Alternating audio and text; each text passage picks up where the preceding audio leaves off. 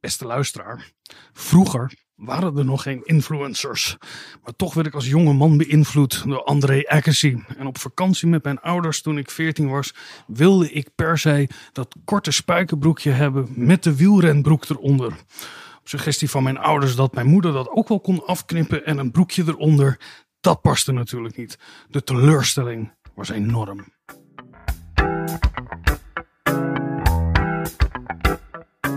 Deze podcast wordt mede mogelijk gemaakt door Code Clear. Duidelijk over websites en design.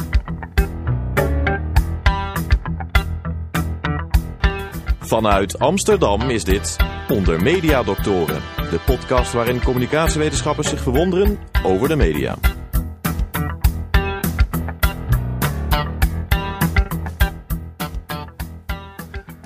Vroeger laatsten mensen tijdschriften, maar nu bladeren ze door Instagram. Net zoals Cesar, die hier ook al op zijn Instagram bij ons aanwezig zit. Uh, we kennen voetballers en tennisspelers, zoals Andrew Agassi, die sponsordeals binnenhalen. Maar tegenwoordig kun je ook met games goed cashen als topspeler. En nergens wordt de fragmentatie van het medialandschap zo duidelijk als op YouTube. Het platform waar iedereen zijn eigen mediabedrijf kan beginnen. Het vak influencer is volwassen geworden. En dat vraagt om een evaluatie van de mediadoktoren. Hoppakee. Ons gast, ik zei het al, Cesar Majorana. Je bent presentator bij BNN Vara en de VPRO. En een van de gezichten van Club Hub. Wat is Club Hub, Cesar? Ja, Club is een, beetje... Ik weet niet, als de luisteraar van de TMF-generatie is... dan ken je nog het moment dat je uit school kwam... en je gooit je tas neer. En dan zat daar of Nicky Plessen of Sascha Visser of Miuska... lag dan op de bank jouw middag een beetje aan elkaar te praten. En wij doen dat op YouTube, maar in een kortere vorm... waarbij we dus relevante gasten voor de jonge doelgroep interviewen... Um, uh, we zetten soms ook gasten op de agenda. Merel was bijvoorbeeld iemand wiens muziek ik echt te gek vond, maar die had alleen maar een single uit Ik wil een kind van. Die hebben drie jaar geleden of zo in de show gehad. Video heeft heel lang op YouTube gestaan, niet zo heel veel views gehad. En dan opeens wordt Merel een influencer slash bekendheid celebrity. En maar het dan, is ook live. Uh, we hebben dat heel lang live gedaan. En op een gegeven moment kwamen we er net als onder mediadoktoren erachter... dat, je publiek daar niet per se op zit te wachten. Dus we zijn nu volledig op YouTube en we hebben... Wat is het? 90.000 abonnees. We gaan naar de 100.000 toe. Netjes. Dus het verhaal dat je thuis komt, je je tas neergooit en gaat kijken... Dat, dat, dat, dat zit in jouw hoofd als presentator, maar dat is niet de praktijk. Nou, de grap is dus wel... Ja, want als ik dus kijk... Onze video's worden op een vast schema geüpload... en het grootste deel van de kijkers kijkt dan eigenlijk al meteen. Dus grappig genoeg hebben we soms in de tv-wereld het idee... dat we afgestapt zijn van lineaire tv... maar kijk naar hoe vaak een vlog van Enzo Knol... meteen zodra die geüpload is, wordt bekeken... en je ziet dat daar echt die piek zit. Dat is een heel ander onderwerp, daar gaan we een andere keer over hebben. Ja, Uh, je schrijft columns voor NC, of is het NC? NC. Ik ben er wel inmiddels mee. Is- gestopt. Wat, maar wat is Ben je dat? gestopt met NC? Was dat Wendy van Dijk of zo? Nee, Chantal Chantal Jansen. Met Oh, die C. andere, ja. Die, die, eh, maar dat is... eh, Snap je? NC. Van NC. Chantal. Chantal is met een C. Ja. Maar ook van de N is nog belangrijker, want het is dus mode en Chantal, lifestyle en Chantal. Want Chantal is wat anders dan lifestyle. Ja, Maar dus, dus alles is, met- net als bij de Linda, heb je ook altijd Linda de Mol op de cover. Ja, nee, ik snap het. Net als Oprah er ooit Ja. volgens Ja. mij eh eh, trendzettend in is geweest. En bij de Nieuwsbv maak je columns en die spreek je 1. uit. En je was podcastmaker bij IFFR, Ja, kort zeker. geleden. Je won in 2018 met je Instagram-account Waarom Vloggers Janken de Social Media Award voor beste Instagrammer. Heel meta was dat. Eh, ben je dan ook een influencer? Mm, Het is de... Ik heb je net gegoogeld. Je staat allemaal op booking sites als influencer te boeken. dus je mag nu ontkennen. Dat mag. De rol van de influencer is om zoveel mogelijk ook te ontkennen dat hij influencer is natuurlijk. Dus ik denk als om daar tegen in te gaan wil ik zeggen, ja, misschien ben ik een influencer. Alleen ik weet nooit zo goed hoe groot die invloed precies is. Linda, onder invloed van welke influencer heb jij eh, die afzichtelijke schoenen gekocht die je net hebt? Ik heb echt super vette kijken, nieuwe Nike's. Ach, het is echt... Ja. Vol, ja, dit zijn echt die Dr. Linda Duits schoenen inderdaad, ja. Vincent echt verschrikkelijk vindt. Het zijn, Het zijn het zijn, het zijn ja. uit, de, uit de, wat ik wilde al heel lang. Nike heeft een nieuwe serie React. En het zijn uit deze serie. En ze zijn ehm, groen met roze en turquoise. Maar hoe wist je dat, dat er een serie van React is? Want we Oh. zijn ongeveer even oud. Oh. En ik weet dat niet. Nee, ik, ik volg niet zo heel veel. Ik volg eigenlijk alleen maar Cesar op Instagram qua influencers. Maar eh, mijn Instagram weet wel dat ik van Nike's hou. Dus ik werd de hele tijd, de hele tijd kreeg ik allemaal Nike dingen voorgeschoteld. En, eh, en, en daar klikte ik ook elke keer op. Dus hoe meer erop klikt, hoe erger het ook wordt. En toen moest ik eraan toegeven en deze Nike's Het is kopen. wel jammer dat je dan, als je het eenmaal hebt gekocht, dat dat dan niet stopt. Tenminste, ik heb ook laatst een soundbar gekocht. Na Heb je ook een soundbar ja, ja, gekocht? ik heb ook een soundbar gekocht. Ja, ja, ja. Nee, Oh, oh, voor jou. Nee, voor jou al hoor. Ik ben echt trendzettend in deze kringen. Een influencer zou je mij kunnen noemen. Nee, maar dan heb je het eenmaal gekocht online, maar dat zien ze niet. Dus je krijgt nog de hele tijd steeds voor die reclames Nou, voor die soundbar. Dat, dat, dat, maar daar hebben we ook een keer een uitzending over gemaakt. eh, dus, Nou, een eh, belangrijkere vraag is misschien wel, want je zegt dat je dus geen influencers in je tijdlijn hebt, maar heb je niet het idee dat die influencer-stijl wel geëmuleerd wordt op je tijdlijn? Dus dat, ondanks dat er geen influencers zijn, jouw vriendinnen die nieuwe schoenen hebben gekocht, alsnog een unboxing doen? Oh ja, dat doe ik dus. Ja. Zelf. Volg la la Linder.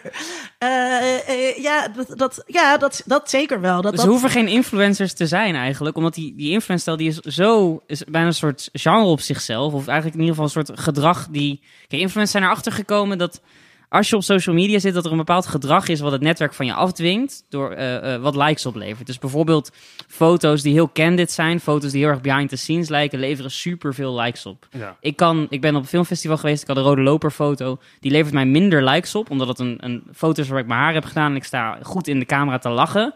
Dat levert minder likes op dan een foto die ik 10 minuten daarvoor maak wanneer ik nog onderweg aan het rennen ben en iets grappigs in mijn handen heb.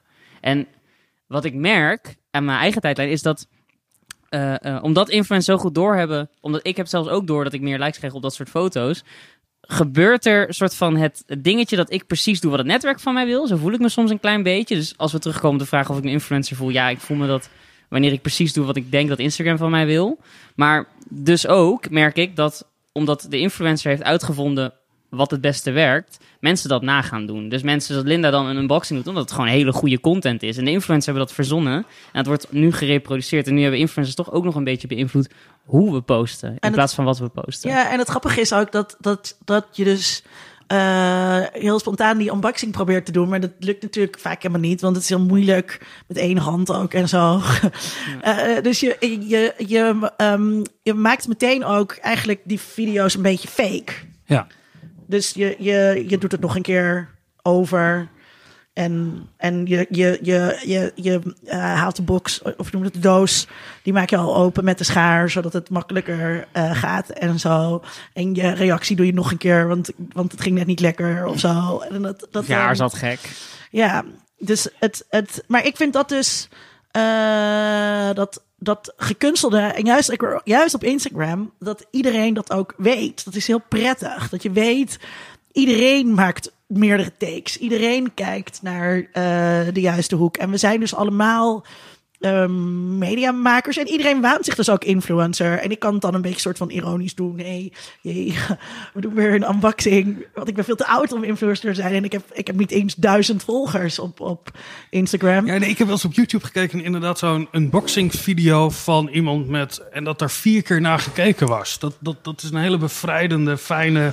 Waar iemand echt inderdaad alle genre-elementen erin gooit. Nou, we hebben net iets binnen, we gaan kijken. Maar dan zonder leuk. het publiek. Ja, en dat er dan Het heeft ook iets vier treurigs. mensen hebben gekeken in de afgelopen twee jaar. Ik Dat heb zo'n hobby ook. Wat ik dan doe is dan zoek ik naar 10 subscriber special. En dat doet dan iemand die dan voor het eerst 10 volgers heeft. Die maakt dan een special van nou, dit is, jullie zijn weer eerst voor 10. Ja? Hier is voor jullie een speciale aflevering. Dat zijn Papa, veelal mama, hele zesje, dankjewel. jonge ja. kinderen. Sterker, nog gekker. Ik, eh, eh, dit is misschien het ultieme eh, masker van de influencer wat we soms opzetten.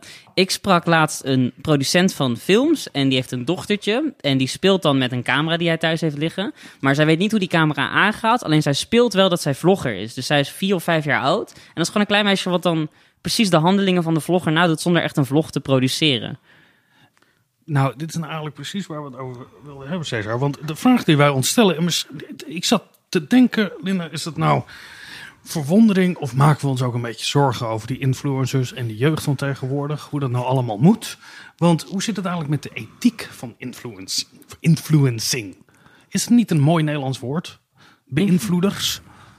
Het is in ieder geval een woord wat iets meer dicht komt bij de realiteit van het influence. Want het klinkt wat enger. Beïnvloeders. Dat, dat, dat, Ja, misschien is het daarom. Ik weet, is het, ik weet niet of het in.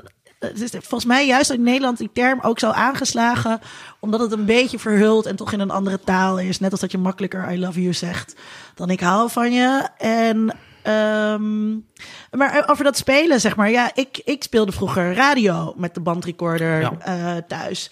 En, en ging ik dat nadoen. En ik, en ik maakte tijdschriftjes. Dus het is heel logisch, zeg maar, dat, dat, dat kinderen eh, dat nadoen. En daar maak ik me ook, daar maak ik me ook niet zo'n, ik maak me niet, daar maak ik me niet zo zorgen over. Ik, ik zei, dat toen wij zeven jaar bego- geleden begonnen met de podcast, gingen we, het, het voorbeeld dat we hadden was radio maken. Dus we gingen ook, hé, hey, wat leuk dat je Jullie, luistert. gingen Hier zijn jullie stonden ook, ja, toch? Jullie gingen Ja, ja. ook staand het presenteren. Echt zoals Giel Belen in de ochtendshow. Als een soort Ja. man, man, de Net zo podcast. amateurs als een vierjarige die een camera, een flipcamera in de, in de handen krijgt.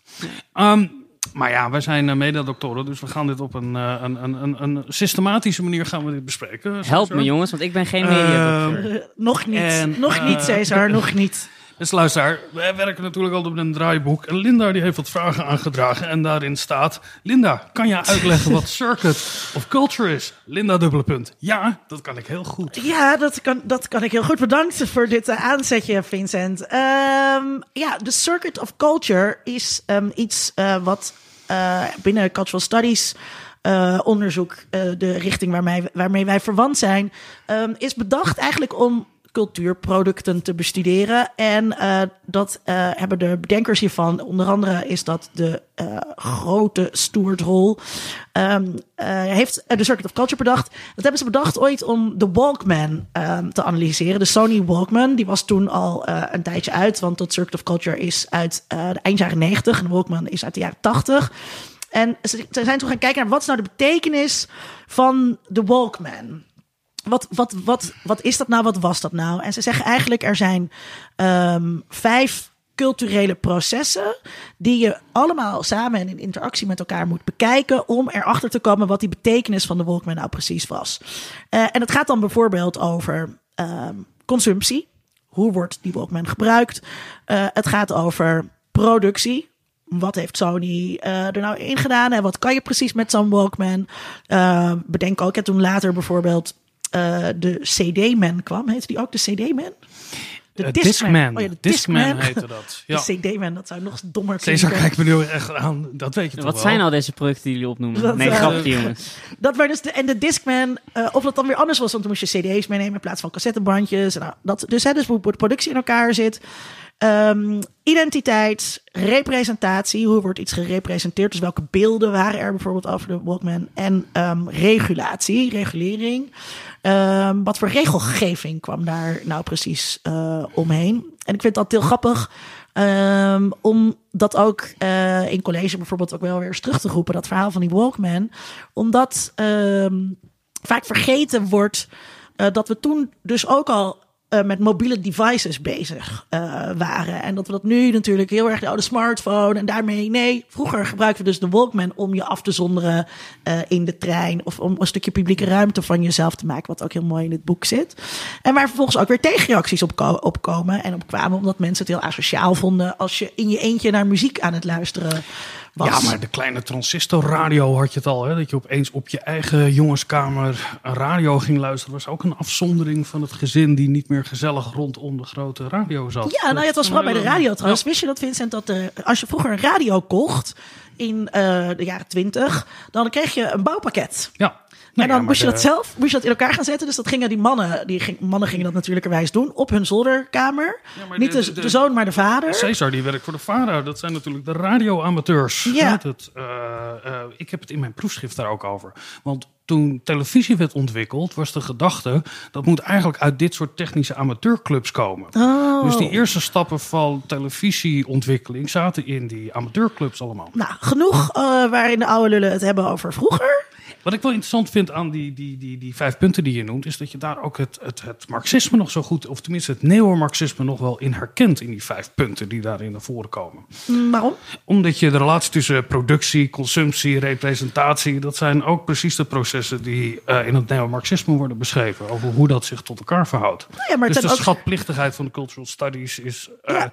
Ook nooit het, ontkend, beste luisteraar. Dus maar het zijn ook, ik had er al een tijdje niet naar gekeken, naar die Circle of Culture. En, um, maar het, het, als je dus wilt gaan nadenken over die betekenis van influencers, of hoe we influencers moeten duiden, of welk cultureel art, artefact dan ook, uh, ja, dan moet je naar deze aspecten kijken. Die, die zijn belangrijk. En vooral bijvoorbeeld uh, uh, die regulatie, waar ik zelf eerder minder mee bezig was, maar juist nu als het over influencers gaat, wat ik dan heel belangrijk vind, juist omdat, het, omdat er zo'n gebrek aan is. Het is een heel spannend veld momenteel, het regulatieveld. Ja. Want er zijn wel, uh, inmiddels is het zo dat er, we hebben een soort reclame soepele reclame-eisen. Eh, die zijn, dat is wel heel slim. Dat hebben influencers zelf opgesteld. Er is een groep influencers geweest, ik denk drie jaar geleden. Die hebben een eigen reclamecode soort van gemaakt. Van nou, hier gaan we ons aan houden. En daar zat onder andere het vermelden van hashtag SPON of hashtag SP in.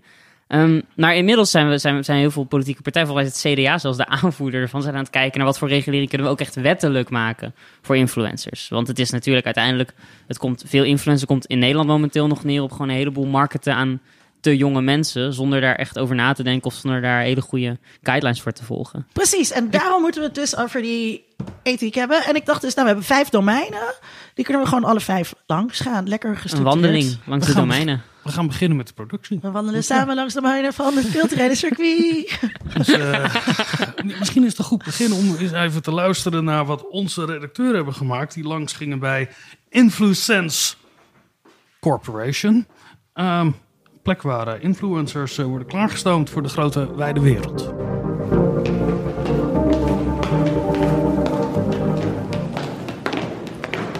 Hi, welkom allemaal. Ik ben jullie gids vandaag. Ik neem jullie mee op reis door de reis die veel influencers maken. Hier bij de Influence Corporation stormen wij jong talent klaar voor een carrière in influencer marketing. Als jullie mij willen volgen, gaan we eerst naar de scouting loods.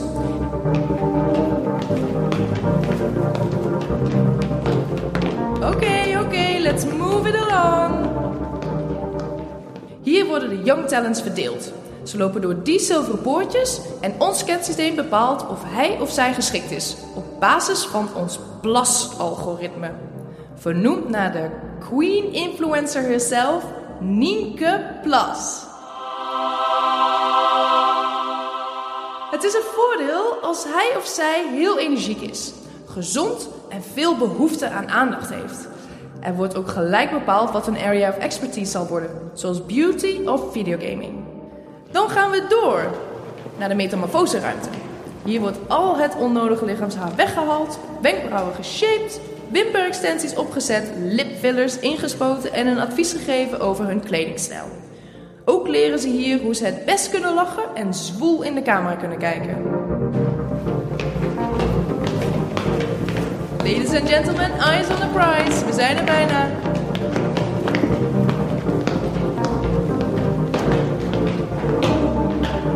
En hier zijn we bij de Monarch Advisors.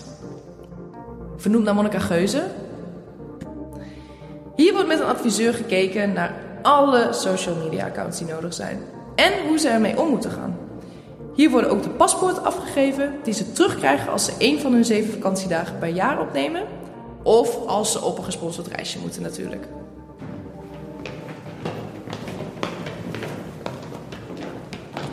En hier zijn we bij het einde, waar de nieuwe influencers met een Uber naar huis gaan. Bedankt voor jullie aandacht en vergeet niet Influence Sense Corporate te liken. Want zoals jullie weten, no likes is yikes.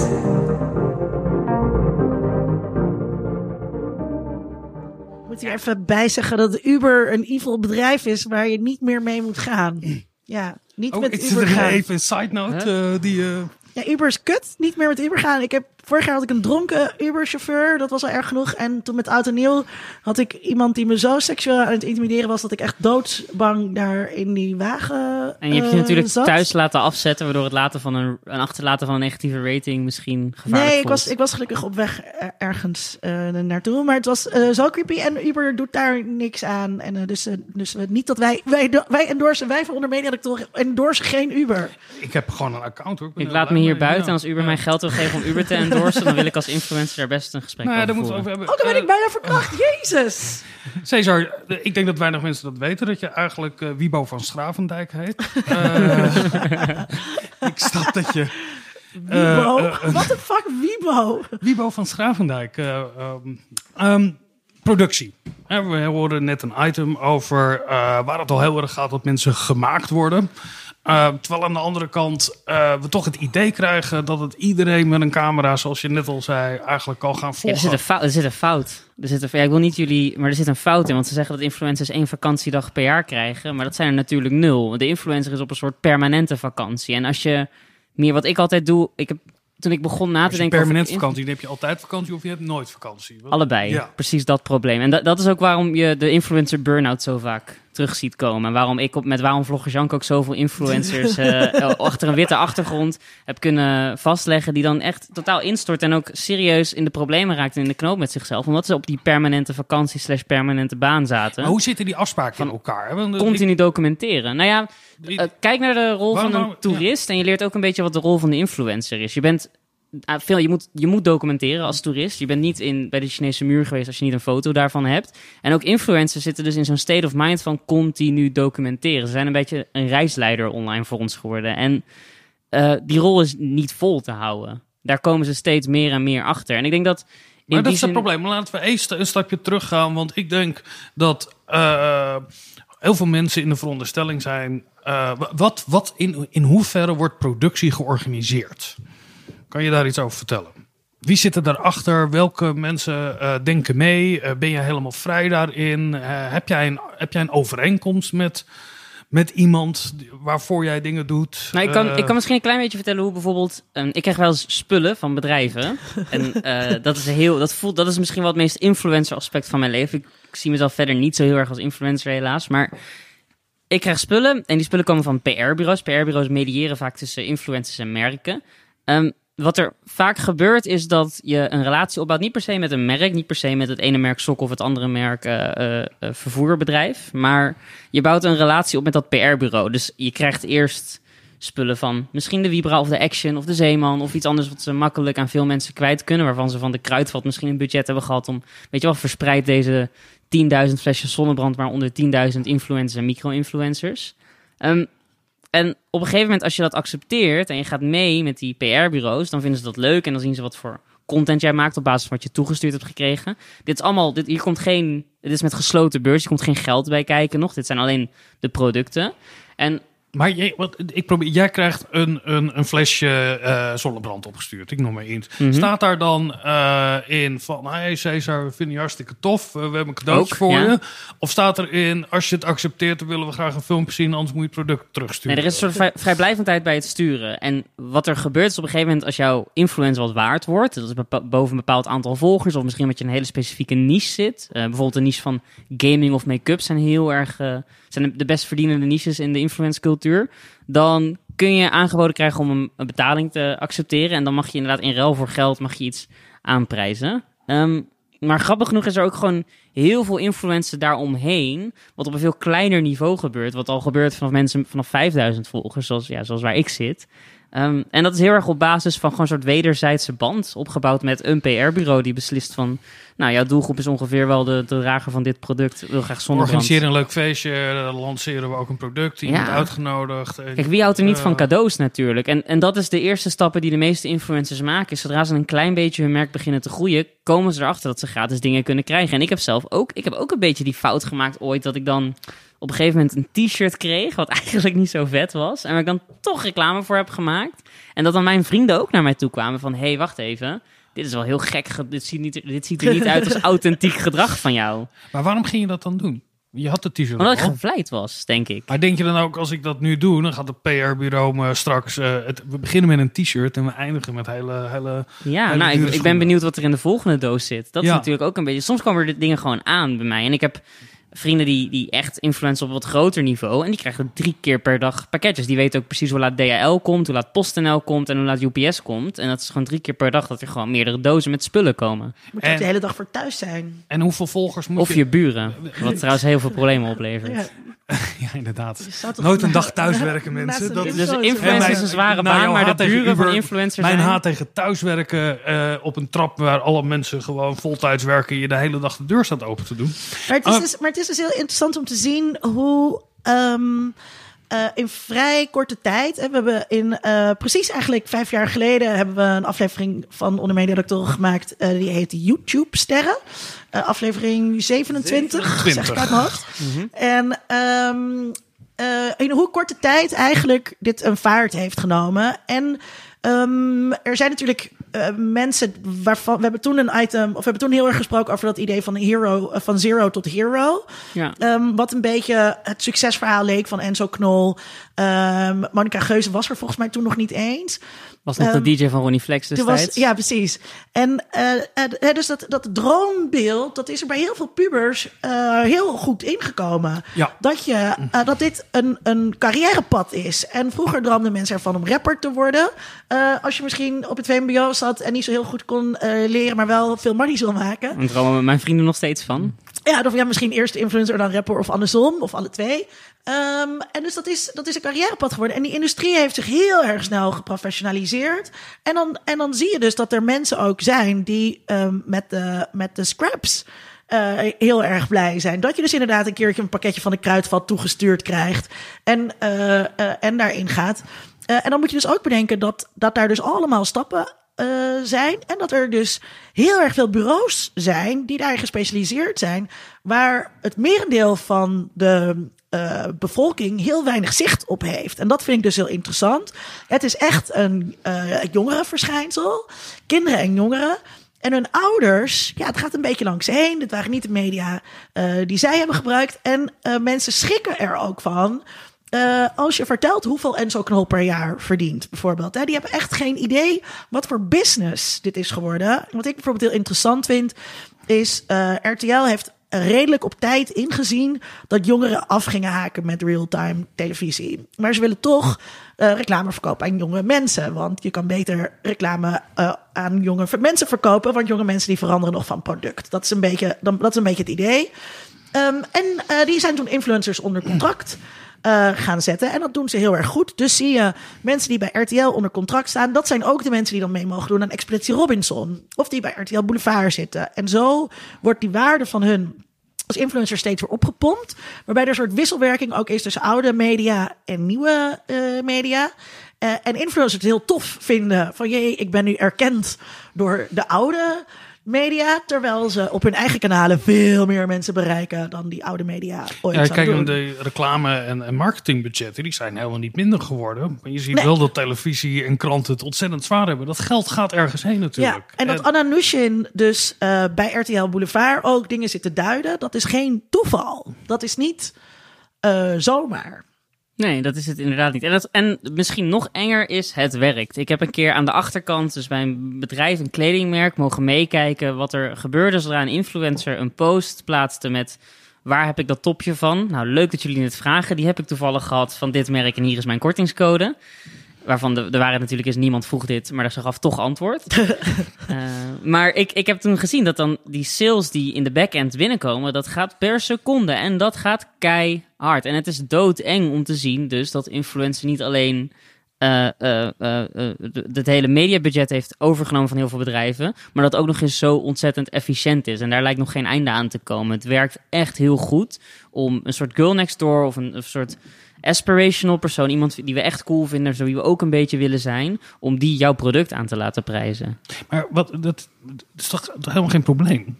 Weet je wel, er is iemand die nabij is. En hoe kleiner de niche, hoe meer bereikt er Gaan we misschien naar wel is. regulering? Nee, maar ik, het, het- het- ik beluister iets bij jullie als een soort zorg wat er achter schuil gaat. Nou ja, maar daar wil, ik het, daar wil ik het straks nog wel over hebben, over, over regeling. Maar over die productie. Aan die productiekant zit, zit nog een belangrijke zorg van mij. Vroeger kregen eh, jonge, jonge, onoplettende mensen die de muziekindustrie ingingen, die tekenen dan een papiertje. En later kwamen ze erachter dat ze iets heel kut getekend hadden. Ja, dat ze onder is, contract zijn eh, gezet. Ja, Zo oud als de popcultuur zelf. ja, natuurlijk. precies. Eh, eh, gebeurt trouwens nog steeds. Ehm, wie was het nou vorige week in het nieuws? Kelis. Die door NERD super opgelicht is. Eh, maar ja, dat, dat is... Nou. Ehm, ja, dat is, een- is een zangeres, Vincent. Die- Maar is toch best wel oud? Ja, dat is al best wel oud. En zij is daar Ja. nu mee naar buiten Zelfs- zelfs gekomen. geleden opgelicht. Ja. Ja, die is al lang geleden opgelicht. Maar, ehm, en dat gebeurt dus nu bij influencers. Dus ook daar heb je jonge mensen die onwetend zijn en die een contract voorgelegd krijgen. En die denken, hé, hey, wat tof, ik kan onwijs veel geld verdienen. En later komen ze er pas achter, ze hadden vet veel meer geld kunnen verdienen. Ehm, dus ehm, dat is wel iets in die productiehoek. En ik denk sowieso, het is gewoon het wilde west op allerlei vlakken.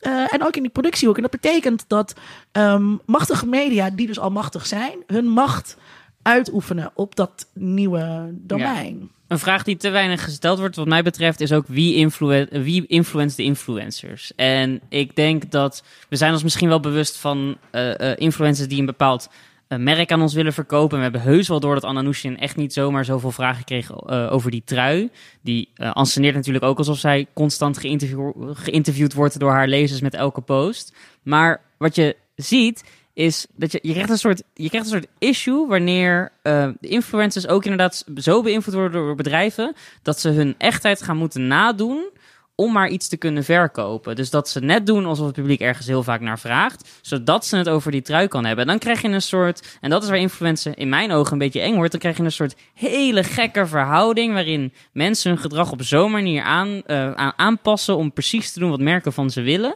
Uh, en het is niet wat het publiek van ze wil of van ze verwacht. Maar het is wel iets waar we blijkbaar naar blijven kijken. En ik vermoed zelfs dat er een soort reality TV effect is. Waarbij we. Reality TV is natuurlijk het leukst wanneer het zo nep mogelijk is. En dat is met Instagram en met influence cultuur en met die beeldcultuur rondom influence is dat ook gebeurd. Hoe, hoe nepper het eruit ziet, hoe meer het eigenlijk geanceneerd is. Doordat een bedrijf een meisje mee op vakantie neemt en zij daar allemaal te gekke dingen mag doen. Hoe spannender het is om naar haar tijdlijn te kijken. Dus de, ja, ik denk dat wat, ja, Linda, wat je zegt, ik, ik sluit me volledig aan bij de invloed van bedrijven op influencers mag niet onderschat worden. En ik denk dat is, dat is dus iets wat, um, um, wat, wat, nou ja, daar komen we straks aan bij de regulering. Dat is heel moeilijk te herkennen.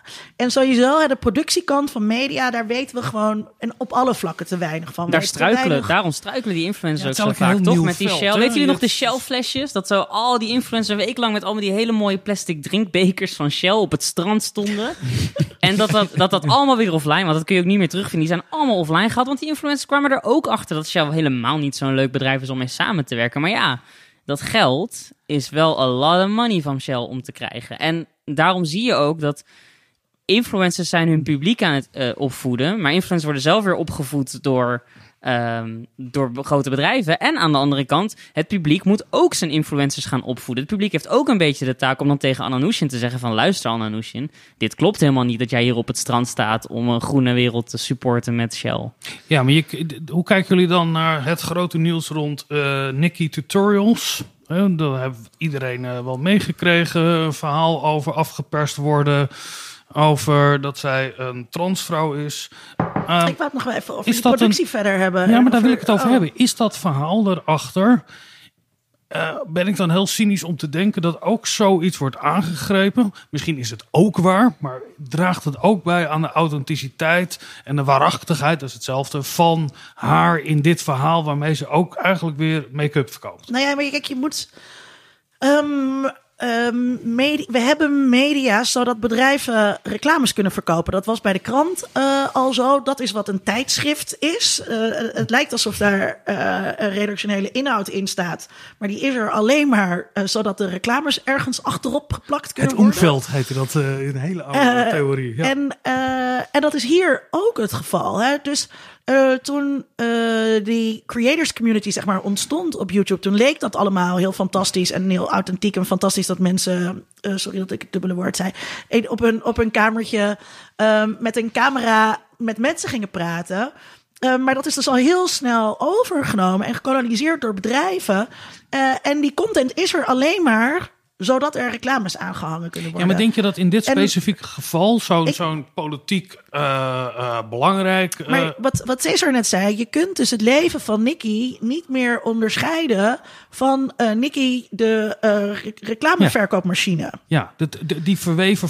Je moet authentieke ervaringen hebben of creëren om ook als, als, als, is dat, moet je die authentieke ervaring ook hebben om als reclamezuil te functioneren? Ja, 100%. Want anders heb je ook een, niet een, uh, een masker wat je erop weer kan zetten. Eh, wanneer je wel je reclamestem opzet. Dus het is ook voor influencers zelf belangrijk om heel duidelijk te zeggen: nu ga ik iets geadverteerd doen en nu ga ik iets niet geadverteerd doen. En juist dat niet geadverteerde is het gevaarlijke terrein, want daar zitten de advertenties juist in. Daar dragen ze juist de trui die ze gratis hebben gehad, maar dat is op de achtergrond. Dus het- je kunt het vergelijken met hoe je soms naar het theater gaat en dat dan zo'n hele slimme theatertekstschrijver een soort meta-dialoog heeft geschreven, waardoor je nog steeds in de theaterzaal zit, maar je wordt wel aangesproken alsof je even niet in de theaterzaal zit. Ja, waardoor je ja, de- extra in die theaterzaal zit. En dat De- gebeurt dus om de De haverklap. Brechtiaanse vierde wand. Hè? Dat- Dat je eh Ferris Bueller Day Off.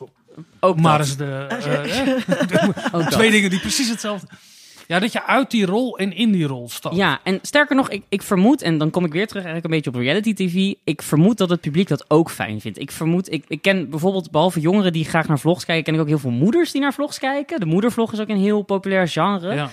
Moeders zijn inmiddels slim genoeg, denk je dan, om te weten wanneer iets reclame is of niet. Die zijn opgevoed. Maar juist eh, dat gevoel dat iets, dat je misschien in een soort fantasieruimte leeft als kijker, waarin jij heus wel weet dat je nog in het theater zit, maar je kijkt toch naar het spektakel op het podium. Dat is die hele fijne ruimte. En dat is ook waarom mensen graag naar Temptation Island kijken. Omdat je zo die, die hele kleine, ja, hoe kan je dat het beste noemen? Je zit, je zit heel even in een soort fictie, waarin je echt gelooft dat iemand heeft opgegeven dat het uitmaakt hoe die wel of niet gezien wordt. Maar het is toch helemaal niet ten bate van een influencer om dat onderscheid te benadrukken door te zeggen: hé, hey, dit is wel gesponsord. Ehm, jawel. Jawel. En dat, dat heeft ook te maken met waar ik eigenlijk in het begin van de show al het een beetje over had. Ehm, eh, het, het werkt echt beter op Instagram om iets te laten zien wat wij als gebruikers als authentiek kunnen ervaren. En die authenticiteit het is moet je dus door te zeggen: dit is niet authentiek. Dit is niet wat ik. Dit, Ja. dit, dit- nu ga ik Ja. iets zeggen waarvoor ik betaald Zeker, ben. want dan kan er iets tegenover staan. En dat zijn alle, allebei zijn dat maskers. Maar je moet je dus voorstellen wanneer eh eh eh, Nick Tutorials een... een eh, eh, ja, is Nick Tutorials het goede voor? Je kan, je kan je ook bedenken, als je op je tijdlijn kijkt en je ziet dan zo'n iemand in een pyjama zitten, die even vertelt van ik ben klaar met al dat positiviteitsgedoe, ik ben klaar met dat die persoon nog steeds in de rol van influencer dat aan jou het verkopen is. Waarom? Want het is nuttige, goede content die haar als een echter, authentieker persoon, hem of haar, laat zien. Ja, het is eigenlijk dat onderscheid wordt ook niet relevant. Tenminste, het- Nee. het- het- ja, dat- Ik, ik, ik zag die de- documentaire soort- over Taylor Swift is deze week uitgekomen. En dan zegt zij deze zin. Dit is een zin waar, nou ja, als mijn borstkas groter was, dan zou ik het erop tatoeëren. Eh, zij zegt, het allerbelangrijkste aan mijn imago is dat ik wil dat mensen mij zien als een goed mens. Ik heb heel lang over die zin nagedacht. Ja, maar ja, je wilt niet een goed mens zijn, maar je wilt haar imago is gezien worden als een goed mens. En er zijn eindeloos van dit soort statements van influencers. Ik heb ook, wie was dat nou? Ik heb een tijd lang toen ik eh, nog heel erg veel bezig was met waarom vloggers janken en, en ro- rondom de theorie van die emoties online, hoe we onze tranen verkopen voor een publiek, heb ik ook veel gelezen over eh, waarom mensen überhaupt dingen uploaden. En toen las ik ergens een quote van een vlogger die had gezegd: ehm, eh, Mijn imago is dat ik zo echt mogelijk overkom en niet manufactured ben. En niet gecreëerd zijn is denk ik het grootste devies wat we allemaal nu op, als influencer, dat is je identiteit als influencer. Je probeert zo hard mogelijk om er niet gemaakt uit te zien. Mijn identiteit is eigenlijk dat ik helemaal geen identiteit heb. Zal ik, eh, zal ik even wat eh, onderzoek erin gooien? Eh, dit is onderzoek van ehm, collega's bij communicatiewetenschap aan de Universiteit van Amsterdam, Safia van Dam en Eva van Rijmersdal. En zij onderzochten de invloed van disclosure op de waardering voor influencers door tieners, dus, dus de 12 en 16 jaar. En disclosure betekent dus hè, vertellen dat iets reclame... Spon. Ja, dat iets reclame is. En het grappige is. ehm, nou, en ze gingen dus eerst vragen van, eh, vinden jullie het eigenlijk oké dat de influencers eh, geld verdienen mee? Ja, dat vinden ze allemaal logisch. En natuurlijk, ze moeten ook een verdienmodel eh, hebben. Bovendien, dat zeggen influencers ook vaak, hè, van, omdat ik gesponsord word, dan kan ik ook betere apparatuur kopen. Ja, dus ja. er betere video's. Nou, dat vinden die respondenten ook allemaal heel tof. En eh, ze leven dus ook echt mee met die influencers. Ja, deze influencer werkt echt hard en daarom verdient ze het. Ehm, en eh, eh, eh, vervolgens eh, blijkt dus eh, dat ehm, respondenten het helemaal niet waarderen als vroeg in de video al duidelijk wordt dat het om ehm, sponsoring gaat. Ehm, ze vonden eh, als het te veel over reclame maken ging en te weinig gewoon vermaak was, dan ontstond er twijfel over de waarachtigheid van een video. En uiteindelijk concluderen die onderzoekers dat de deelnemers liefst in de maling genomen worden. Dus liever weten ze niet dat ze gewoon naar een reclamespotje zitten te kijken, in plaats van naar een leuke vlog van iemand die ze sympathiek vinden. Dat, dat, is, dat is dus nogal wat. Hè? Ja, ja, nee, dat, Dat, dat, ehm, is, eh, ja, dat is een, een, een kapitalistische natte droom Ja. natuurlijk. Dat we geen lookie meer te zien krijgen voor de reclame. Die bestaat al lang niet meer. Maar... Dus als er, als er ehm, in een video het doel ook van de adverteerder stond: van nou ja, we gaan deze challenge doen omdat eh, de chipsmerk eh, graag meer ehm chipsdip wil verkopen bij de chips of zo. Dan vonden die mensen dat vervelend en dan vonden ze het geïrriteerd en dan vonden ze de influencer ook oneerlijker. Dus er is een soort van dissociatie vindt daar plaats eh, bij die jongeren. Nou, dus ze weten dit is, hierbij wordt geld verdiend, maar tegelijkertijd willen ze het niet weten. En dat is nou precies dat moment waar jij het ook net over had. Je wil er even in wegdrammen en je wil niet dat die persoon die jij zo bewondert, gewoon fucking werkt voor bedrijven. En dit is gewoon de baan, net als het meisje bij de ethos. Weet je wel, het is exact hetzelfde. Het is en ik denk ook als we dat meer gaan realiseren, dan komt er ook, en ik ga nu een heel moeilijk punt maken, maar ik wil dit echt tot de dood ver- ver- verdedigen. Juist als de oprichter van Waarom Vloggers Janker. Maar we mogen ook wel wat meer respect hebben voor de vlogger, voor de influencer. En dat zit hem echt in. Er is een soort mediatendens, en dit is wel echt belangrijk om te bespreken. Er is een soort mediatendens ontstaan waarin we niks liever doen dan collectief masturberen op hoe verschrikkelijk die influencer is. Terwijl die mensen hebben een fucking baan. Babyboomers hebben de baan eh, eh, eh, strategisch beleidsmedewerker. Alsof dat een echte baan is. Laten we influencer wel serieus nemen. Ik bedoel, hoe vaak heb je niet dat artikel gedeeld zien worden van dat meisje wat dan een hotel had gemaild van hey, ik wil graag bij jullie slapen, kan dat gratis? Ik ben influencer. Dat is een hartstikke normale zakelijke, zakelijke transactie. En sterker nog, dat hotel is dom als ze dat meisje daar niet laten slapen. Ja. Ik, Ja, en dat- ik, maar dat- dat een vind beetje- ik dus- je, je, je merkt, ik denk ook een heel groot verschil. eh, aan het begin begon ik eh, met, met, met celebrity endorsement. Hè, dat is één iemand die één keer in de studio komt en die houdt een blikje cola vast. Of dan Michael Jackson, Ja. Michael En dat is vooral waardeverhogend voor een merk. Dat Ja, maakt dat- Coca-Cola een Maar cooler dat is merk. iets totaal anders dan mensen die ook hun verhaal en hun Het is een reclamebord. Je betaalt toch ook voor de- de- Ja, maar je bent ook mediamaker. Dat is wat anders dan dat je voor een camera wordt gezet. Nou Ja. ja, en dat, en dat, dus je bent, ehm, eh, maar je bent, je bent aan het werk en dit is een eh, nieuwe eh, markt die heel oppervlakkig lijkt. Of mensen kijken graag neer op mensen als Kylie Jenner, maar ik geloof dat zij de meest verdienende vrouw ter wereld is. Ja, jongste Ja, self-made de- miljardair. Waar wordt, wordt self-made tot, tot de allergrootste aanhalingstekens, onder de allergrootste aanhalingstekens ooit geplaatst mag Eh, worden. en je, je kan niet anders dan daar respect eh, voor, voor hebben. Want dat heeft ze gewoon ontzettend slim gedaan. En dat doen al die, al die Kardashians eh, doen dat ontzettend slim. En mensen haten graag op wat ze leeghoofdige populaire cultuur eh, vinden. En daar valt dit natuurlijk eh, snel onder. En zeggen dat iemand eh, alles voor de likes doet of zo. Eh, ja, ja, nee, die, zijn, die is ook gewoon aan het werk. Ja. Cesar, we hebben het gehad over. eh eh, je haalt al moeders aan die eh, dit soort dingen ook doen. Eh, jonge mensen. Wat, wat, wie zijn het eigenlijk? Al deze influencers. Zijn dat De- vooral vrouwen of mannen? Of juist. eh, eh, ik weet niet of het nuttig is om op die manier naar de demografie van influencers te kijken. Ik denk Nee, we dat gaan een stapje naar representatie maken. Dus Nee, maar eh, we zijn we nog- gaan we in moeten de Doe het dan lekker zelf. iets belangrijks zeggen over, over, ja, nog over die productie. Ehm, heel Beste veel... luisteraar, dit wordt een hele lange uitzending. Dus Nee, pak er wat te drinken bij. Nee, maar die productie is dus juist super interessant. En daarom is het ook tof dat Cesar hier zit en ons daar dingen over wil vertellen. Eh, er zijn heel veel influencers die onder erbarmelijke omstandigheden eh, werken. Dus je hebt hè, eh, de grote namen, wat echt. wat op iedereen afstraalt en die wil ik worden. En dan heb je nog een heel pakket eh, wat daaronder zit, die ook succesvol zijn. En dan heb je allemaal mensen die aan het ploeteren Ja. zijn. En ehm, eh, dat is. Maar waar, dat- kijk, dat zie je ook in boekenverkoop. Hè? Zeker in fictie. eh Nou. 80% van de markt wordt gedicteerd door 30 titels. Eh, minder. Volgens mij zijn er tien auteurs in Nederland die kunnen leven van het schrijven van boeken. Ja, maar Zo dit- weinig is het. zo'n saai Nee, boekenbal opleveren als alleen Maar die is- mensen maar dat is- nee, maar die- en die influencermarkt is natuurlijk veel groter. Dus er is, dus er is ook een kleine groep die aan de top staat. Maar er is ook een hele grote groep die in het midden zit. En eh, ik denk dat er meer jongeren influencer willen worden... dan eh, eh, dat er eenzame zielen schrijver willen worden. Dat, dat, dat gun ik iedereen. Word influencer en geen schrijver. Nee, maar ik wil aangeven, op een gegeven moment die markt, die, die- die- dat trekt altijd naar het midden toe natuurlijk. Zo'n zo'n hotelling effect heet het geloof ik. Dat elk bedrijf wil uiteindelijk bij eentje uit de top 50 hebben. Of het moet heel erg specifiek Nee, over jouw merk dus, gaan. wat dus ook wel interessant is, is dat um, uh, Cesar dropte het woord net al even. Je hebt ook micro-influencers.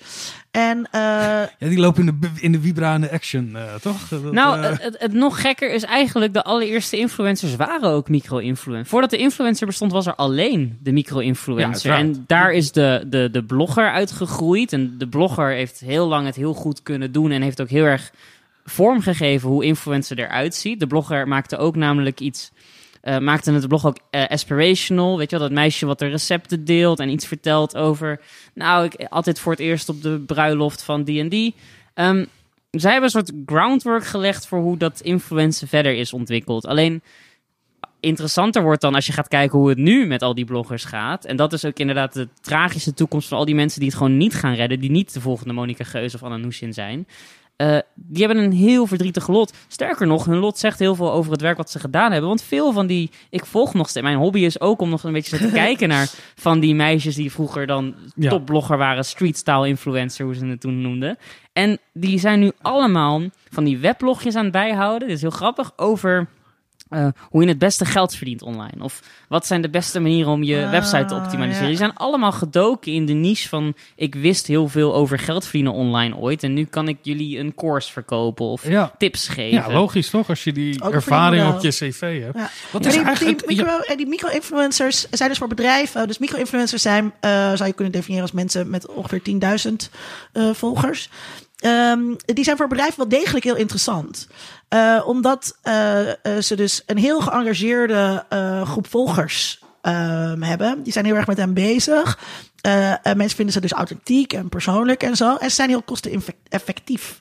voor de adverteerder. Ja, dus Ja, je kunt, ja, het dus is gewoon is, om daar te het is heel ja. duur om Kylie Jenner iets te laten zeggen. Maar de, de micro-influencer hand is gauw gevuld. Dat Ja. klopt. Sterker nog, micro-influencers laten- durven zich zelfs een beetje te laten vernederen. Ik ben ooit, kreeg ik een mail van een PR-bureau. En toen kwam ik terecht in een soort back-end waar ik al mijn social media gegevens moest uploaden. Dus ik moest mijn inlog voor Instagram auto- eh, eh, geven en mijn inlog voor Twitter en voor Facebook. En dan konden zij zien hoeveel volgers ik had. En dan op basis daarvan werd ik wel of niet goedgekeurd voor het event waar zij mij voor hadden Maar uitgenodigd. daarvoor moet je niet je. Oh, je dat is toch echt alsof je je broekje moet laten zakken. om, Nee, maar dan kunnen ze eh, beter zien wat je doelgroep is. Want die, die, ze hebben al die toestemmingen nodig. Oh, Om die analyse te kunnen runnen. dodgy, Oh, Cesar. Super eh, dodgy, maar dit zijn gewoon hoe PR... Want PR-bureaus hebben ook op een gegeven moment zich achter de oren gekrapt... en gedacht, wow, er zijn wel heel veel influencers nu. Een boel ook daarvan met neppe volgers die gekocht zijn... omdat dat nou eenmaal nog meer geld oplevert... als je kan zeggen dat je Ah, er 50.000 ja, daarvoor moet je dat in plaats van 40.000 hebt. Dus er is een influencer-inflatie, zoals alle beroepsgroepen die opeens populair zijn. Opeens hebben we te veel influencers. En nu gaan ook die PR-bureaus gaan kijken naar die onderste laag van influencers. En die trechter eens even aanspannen. En even kijken van, ja, maar Nou, ja. ik kan me heel goed voorstellen dat als jij 10.000 volgers hebt, of dat actieve volgers zijn, of heel passief, of dat dat enorm kwaliteitsverschil maakt over Zeker weten. hoe jij daar Ja, eh, ja. kan Maar de micro-influencer laat zich dus ook makkelijk... Ik bedoel, je moet het niet proberen om bij Kylie Jenner aan te komen met zo'n back-end. Maar de micro-influencer laat zich dus ook een klein beetje vernederen voor die gratis dingen. Ja, Nou ja, en er is dus, maar er is dus ook niet echt iets waar je op kunt terugvallen. Als je in deze beroepsgroep eh, eh, succesvol wilt worden. Er is, er is geen. eh, Als je een rijbewijs hebt kun je Uber worden, maar anders ben je inderdaad... eh, Ja, maar er is geen vakbond. Er is niet echt een plek volgens mij ook waar je terecht kan. Ik kan me niet voorstellen dat FNV een eh vraagbaak voor influencers heeft. Om wat is nou eigenlijk normaal? Wat kan ik? En dus eh, kan eh, zo'n PR-bedrijf of andere bedrijven dus van alles maken. Ja, ik geloof dat FNV heeft wel zo voor, voor, voor hè, de culturele sector een, eh, een, een vakbondsonderdeel Nou ja, daarvan. iedereen heeft het ja. altijd over hoe ZZP'ers worden uitgebuit. Ja, Eh, ja, het platform specifieke hiervan. Want eh, jij was er vroeg bij op Twitter. Waarom? Ik heb het idee dat Twitter zich minder goed leent om daar als influencer te bewegen. ik Of weet nog dat we dat vroeger eh, eh, op Twitter nog gezegd werd: Twitter is geen reclamezuil. Dus dat je eigenlijk ook niet zeg maar je eigen stukjes of zo heel erg mocht promoten of weet ik veel. Nou, dat is nu hartstikke veranderd. Maar kijk, Twitter is Ja, je kun stukjes, maar dan moet je zeggen, ik heb een draadje hierover. En dan ga je eigenlijk je stukje opknippen in een vorm die voor Twitter heel deelbaar is. En dan daaronder doe je toch nog stiekem de link, zodat misschien mensen een keer op een website klikken. Toch nog daar klikken. Maar, Nou, ehm, Linda, kan je leer een lekker broodje van trompkaas. Dat, eh, Maar- dat is allemaal betaald natuurlijk. Maar eh, dus het, het- kijk, en op Twitter, eh, Twitter heeft wel zijn ontwikkelingen doorgemaakt. Maar dat, op Twitter zitten mediamakers, veel journalisten, wetenschappers. Maar het is een hele rare groep. En dus er zitten helemaal geen jongeren die spullen willen kopen. Nee. Ehm, dus heeft het daar helemaal geen zin. En ik zou dolgraag eh daar micro-influencer willen zijn. Ik heb genoeg volgers daar om te kwalificeren, vind ik zelf. Maar ja, dat, dat Nike heeft natuurlijk geen ene kut aan om mij daar te sponsoren. Nee, maar je kan zeggen, oh, ik heb weer zo'n fijn de krant gelezen, weer op papier. Mijn hele zaterdagmiddag was goed gevuld. Dankjewel, NRC. Ja, maar dat, kijk, NRC heeft dat natuurlijk niet te doen, want mensen delen eh, die kantberichten wel. En eh, ik, ben, ik, ben, ik heb wel eens gehoord dat ik door de Volkskrant op een zwarte lijst, bij de Volkskrant op een zwarte lijst sta. En eh, toen dacht ik, komt dat wel omdat ik kritische dingen over, over de Volkskrant zeg? Ik, ik, ik kijk nu wel uit. om Twitter is een soort kritisch- medium om jezelf zo onpopulair mogelijk te maken voor merken, hè, dat- eigenlijk. dat- dat- zijn jullie klaar om de stap te maken naar representatie, eh, beste gasten? Of, Misschien, misschien, er weet nog ik een nog, bruggetje, misschien of- weet ik een Twitter-bruggetje. Maar ik Oh. ben natuurlijk niet, ik ben niet jullie, maar ehm, ik zat zo na te denken Hashtag over hoe in, kun je ja. nou de influencer kenmerken in relatie tot de rest van het internet. Zijn zijn we niet allemaal een beetje influencer, wat dan ook? En toen dacht ik van, wat is het tegenovergestelde van de influencer? En dat is waarom Twitter niet een goede plek is voor influencer. Want op Twitter zit de troll. En de troll is exact het tegenovergestelde van de influencer. De influencer is, is echt, is menselijk, is direct, is eerlijk. Probeert, zich, eh, probeert ge- geen agenda eh, onder je neus te schuiven. Lijken we, denken we. Wil likable zijn. Ehm, en de troll is daar tegenovergesteld. Ik, ik, van. ik De zie het helemaal voor me hoe dat eruit zou zien. Dat zou, dat zou ik wel heel grappig vinden. Iemand die Er continu... bestaat geen Ja, iedereen, iemand die op Instagram steeds boos is op iedereen. en, en eat shit. En, Ja. en, ja. Maar trollen doen het dus slecht op Instagram. Je hebt, op Instagram heb je eigenlijk niet zo heel erg veel trollen. Je hebt wel haters of zo, mensen die negatief zijn. Maar ja, die had je, die had je vroeger ook al. eh, Ja. in de echte, die heb je in de echte wereld ook. Als ik die dualiteit eh, mag gebruiken. Ja, Robert Jensen zit op, eh, op YouTube. Ehm, Robert, als je luistert. Ehm, maar de representatie. Wie, wie, we hebben al iets genoemd over moeders. We hebben het over eh, vooral jongeren. Marketing wordt het voor gebruikt. Dus het zijn ook vooral jongeren die eh, daar geld mee verdienen. Wie, wie, wie komen we helemaal niet tegen? Ik ken weinig mensen waar ik op lijk. Mannen van midden Boze, 40. boze witte hetero-mannen van middelbare leeftijd. Ja, maar als, als influencer. Want jij zegt, ja, Twitter is ook een ander Ja, maar publiek. check jij niet... eh, oh, maar dan heb je nog niet de goede hashtags in je leven. Dan ben je niet genoeg op zoek. Want de influencers zoeken jou wel. Ze willen invloed op jou hebben. Wat heb je? Er is bijvoorbeeld everyday carry. Je hebt een smartwatch om. Wat heb je in je zakken zitten? Ja, Als je de nee, hashtag nee, oh ja, everyday nee, ik ken carry opzoekt, dan zijn het allemaal toch zo middelbare mannen die in grote steden wonen. Die, die denken dat het zeg maar heel moeilijk is om naar de Albertijn of naar je werk te gaan. En daarvoor allemaal super slimme gadgets op zak hebben. Zoals een scherp mes. Ik, ik, ik, ik- natuurlijk zie ik wat er eh, op YouTube voor mij wordt voorgeschoteld. Dus dat ze me weten te vinden, dat snap ik wel. Maar er zijn nou niet echt dat soort influencers die gericht zijn. Ja, misschien ook wel. Ik zit.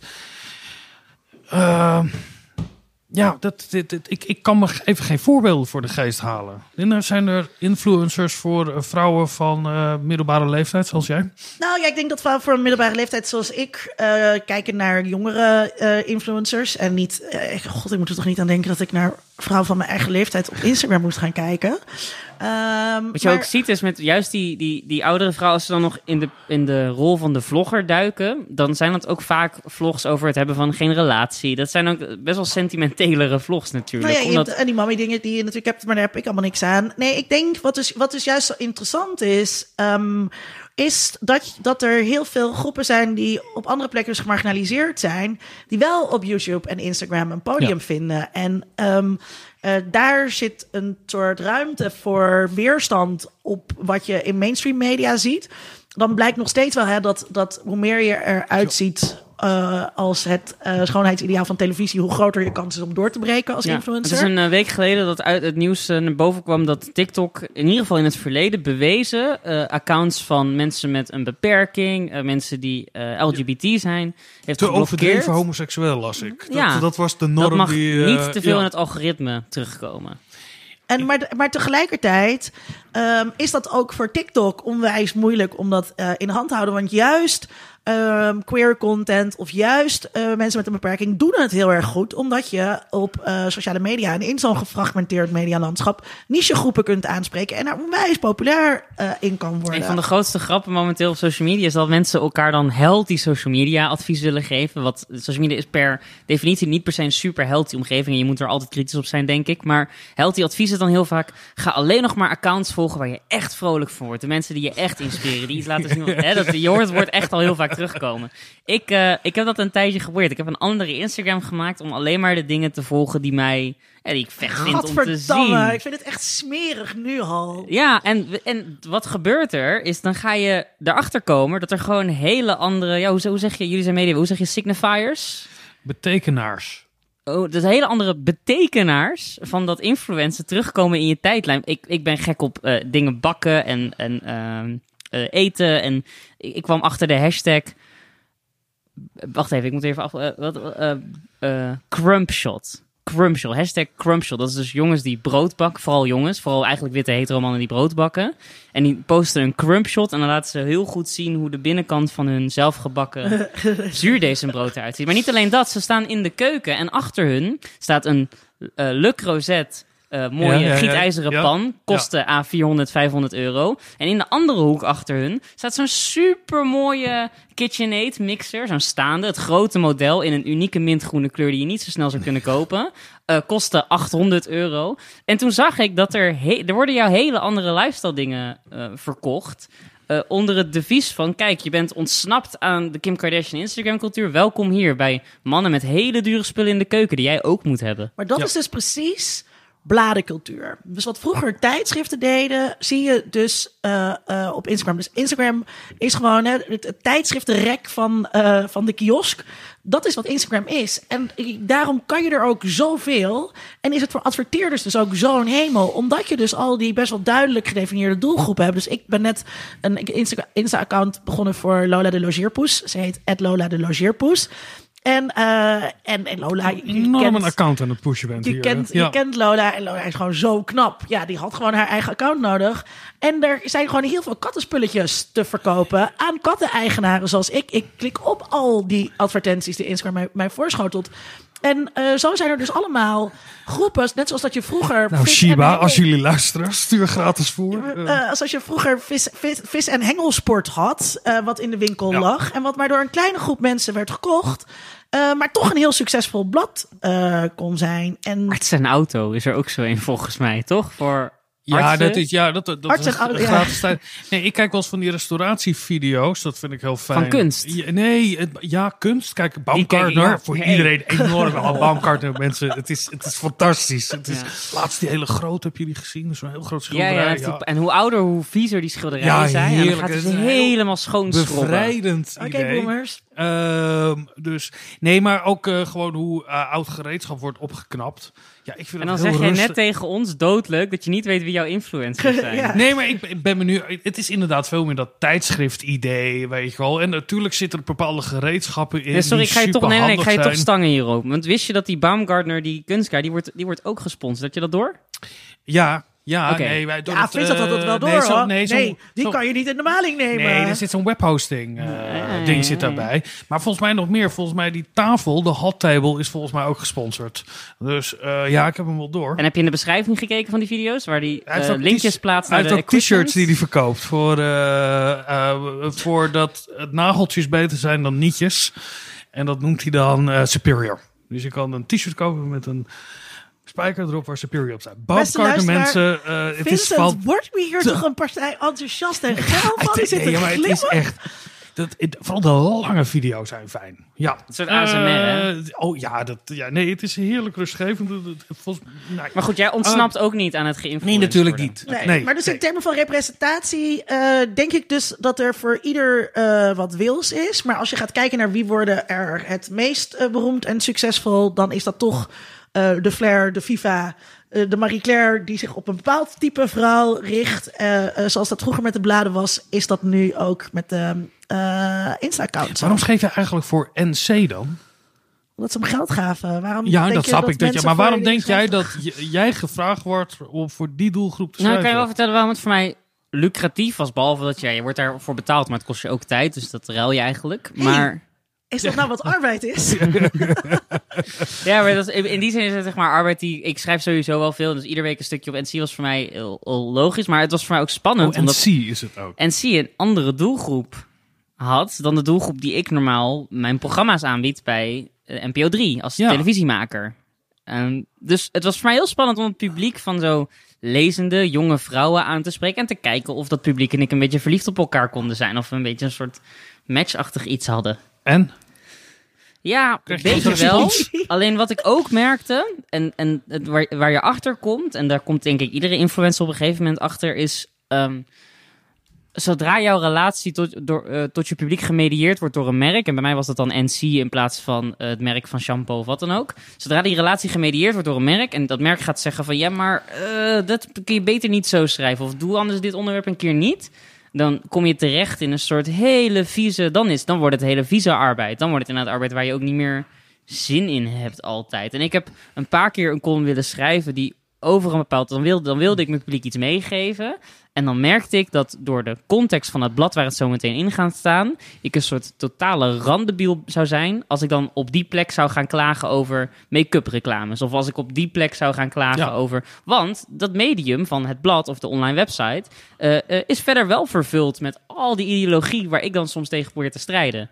Dus heel vaak, en dat is ook zo met nu die, die wash en influencers die allemaal vegan willen zijn, of, of eh, Femke Louise die een documentaire maakt tegen Bond. Het is heel moeilijk voor haar, zoals het voor mij als schrijver was, om anti-beauty standaarden of zo te zijn, was het is het voor haar denk ik ontzettend moeilijk om je continu te profileren als anti-bond, als de rest van jouw tijdlijn en de tijdlijnen om jou heen, dus de context waarin jouw posts verschijnen, wel nog steeds draaien om dat soort ja, ideologische ide ja, de ideeën die we hebben van schoonheid, van wat cool is. Ik bedoel, de dag nadat Femke Louise haar Bond documentaire online kwam, zat ze in de sportschool met, eh, met eh, schapenvacht schoenen van Ux in de sportschool. eh, waar een schaap dus echt voor geslacht moet worden. En dan zegt Ux van ja, maar dat zijn schapen die we ook voor vlees eten. Nou oké, schaap Ja. wordt geslacht. Femke Louise draagt dat de dag later aan haar voeten. Het is niet vol te houden bijna om. En dat is. Om die dat- hoge ethische standaard eh, te kunnen blijven uitdragen. Als- ja. Eh, dat, je, dat je dan sneller... Femke Louise was ook Ja. eerst eh, was ze feminist. En ze heeft dat denk ik, ik denk, ik vermoed gerebrand. Omdat dat nog moeilijker vol te houden. Zeker online feministen. Die zijn zo streng voor elkaar. Daar moet je zo erg eh, eh, je dues voor payen. Daar moet je voor blijven lezen. En je moet precies weten waar we deze week tegen ageren. Er Het is is een soort... heel fijn om gecanceld te zijn door de andere feministen. Omdat je dan dus eindelijk weer vrijuit alles kunt vinden. Ja. Dus Nou, maar daar zijn feministen opluchting- onderling ontzettend goed in om elkaar uit te sluiten. Om elkaar te cancelen. Ja. Ja, maar dat, dus op een gegeven moment lag ik gewoon uit gratie. En dat was eigenlijk wel prettig. dan kan je weer die onafhankelijkheid eh, aannemen. En je ziet daar mensen wel op, op stuk gaan. Ehm, en dat, dat roept ook eh, de vraag op. ehm, of je, maar misschien gaan we dan al ook naar eh, identiteit eh toe. Doe maar. Nou, ik wil, wij hebben dit uitgebreid voorbereid natuurlijk, Linda. En ik weet nog dat jij tegen mij zei, we hebben het over een ethische insteek van influencers. eh, dus consumptie. Ja, ik Dus wat wij boven als tafel te kijkers brengen. ermee doen, eh, daar kunnen we kort over zijn. Nou ja, ik wou naar identiteit, niet naar consumptie. Ja, die komt daarna. Oh, Eh, Want Ik jullie dat monteren dit niet, hè? nee. Toch het knap dat het altijd weer eh, online heb- komt, altijd. Ik heb net gewoon dingen opgeschreven. En Vincent, Vincent moet zich aan mijn draaiboek houden, maar dat doet hij nooit. eh, Onder mediadoctor Linda schrijft Vincent houdt zich letterlijk, niet aan het volgens mij LD, minder interessant vanuit ethische insteek, dus kunnen we kort over zijn, consumptie. Er ligt toch ook een verantwoordelijkheid bij ons kijkers om als we naar Instagram Nou gaat- kijken en daar betekenis aan Bonddocu van geven Louise. En, en, en kritisch op te Ja, maar zijn. consumptie gaat natuurlijk over in wel. Wat zijn de, de, de ehm, routines in rituelen waarin zeg maar, het, het artefact eh, geconsumeerd wordt?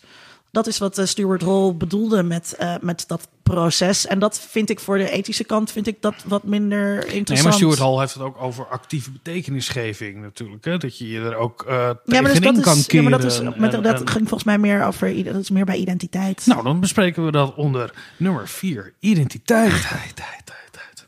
Ehm, wat, eh, wat hebben wij eraan als kijkers? Of zijn we consumenten? Cesar, op het moment dat, je, dat ik kijken hoe jij een t-shirt Ja, we kunnen het even over cultureel bent- kapitaal hebben bij, eh, bij, de, bij de consumptiekant. Zullen we Ja, het even over cultureel kapitaal hebben dat over klassen gaat? Dames en heren, voor de, voor Ik de zal heel kort een geven bingo. op de vraag. Eh, eh, ja, ik denk dat je, dat je vaak vergeet dat je ook het product bent van de influencer. De influencer verkoopt jou eigenlijk. Ik denk dat te weinig mensen zich daarvan bewust zijn. En de bewustheid moet groeien. Ik denk dat het wel op een gegeven moment gaat komen. Je merkt het nu al een beetje als dan mensen zo'n Bond-documentaire bekijken, dat ze dan toch ergens aanvoelen. Want voordat de documentaire online kwam, was er het spektakel van Femke Louise gespot op een markt om Bond te kopen voor de kledinglijn, toch? Dat was een soort stunt. Die ze... En mensen waren toen al aan het reageren op die stunt met de reflex van, ja, maar wacht even, dit voelt, dit, dit, hier voelt iets inauthentiek, afschuwelijk woord. Dat voelen wij. We voelen dat wat zij ons nu laat zien onderdeel is van een soort spelletje waar we in zitten. En ik denk, naarmate deze influencercultuur die nu aan het groeien is, nog, nog, nog verder groeit, we op een gegeven moment dat spelletje niet meer zo graag willen spelen. Dat hele... eh, jullie vragen al de hele week waar ik deze trui heb gekocht, want niemand dat vroeg. Ja, worden mensen dus daar beter in? Nou ja, dat, dat, ehm, wat, Die patronen wat raken interessant is in achterhaald. de ontwikkeling van de participatie, participatiemedia, zeg maar, eh, participatory culture, eh, Jenkins en zo, is dat ehm, eh, producenten meer en meer die participatie reguleren. reguleren. Dus ehm, denk bijvoorbeeld aan een programma als RuPaul.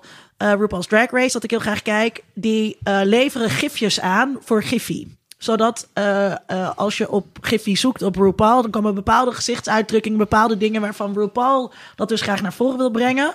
Eh, eh, en zodat wij die gifjes gaan gebruiken om vervolgens weer RuPaul te promoten. Dus ehm, hoe, wij, hoe wij kunnen, in, hoe wij interactief, hoe wij interactief kunnen zijn in de media, wordt voor een groot of meer en meer voor ons voor bedacht. Ja, en Terwijl- andersom, hè? Dat, ik, ik en weet... vroeger hadden we daar dus meer vrijheid in. Want Ja. die gifjes zijn heel erg bottom-up. En, en mensen gingen eh, dat zelf maken.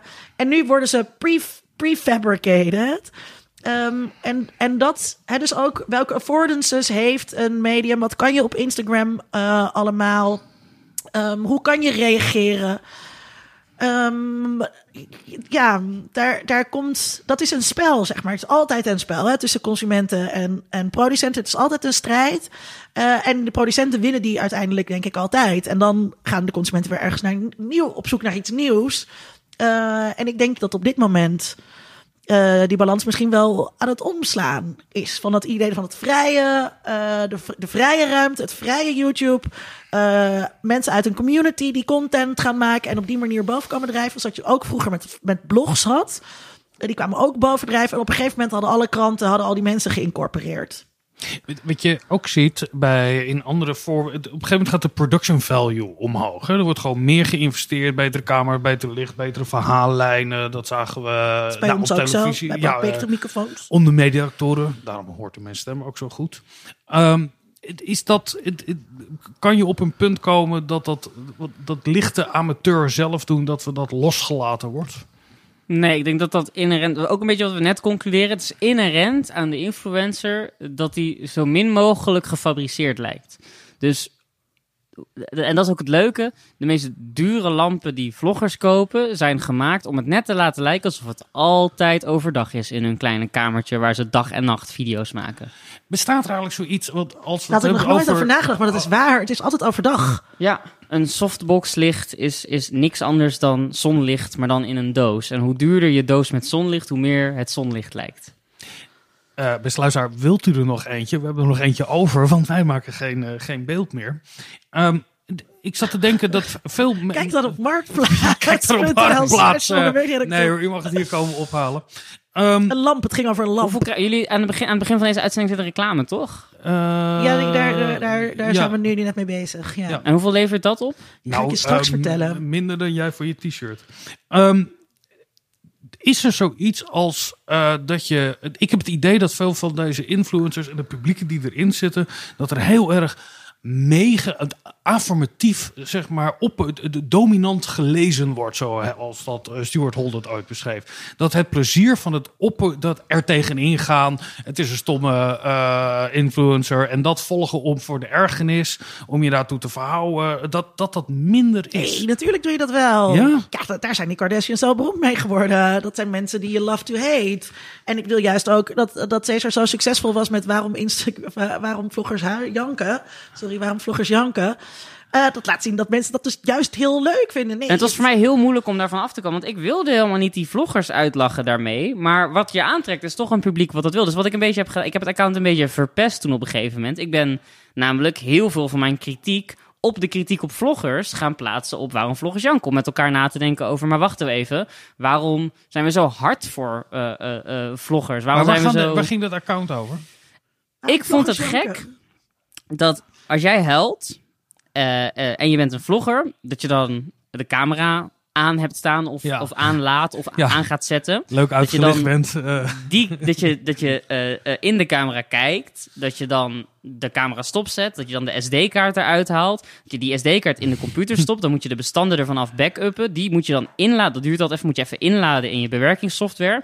Dan monteer je daar een video van, dan ben je best wel 12 uur lang mee bezig. Dan heb je die tijdlijn van je video af, dan exporteer je dat, dat duurt ook best een tijdje.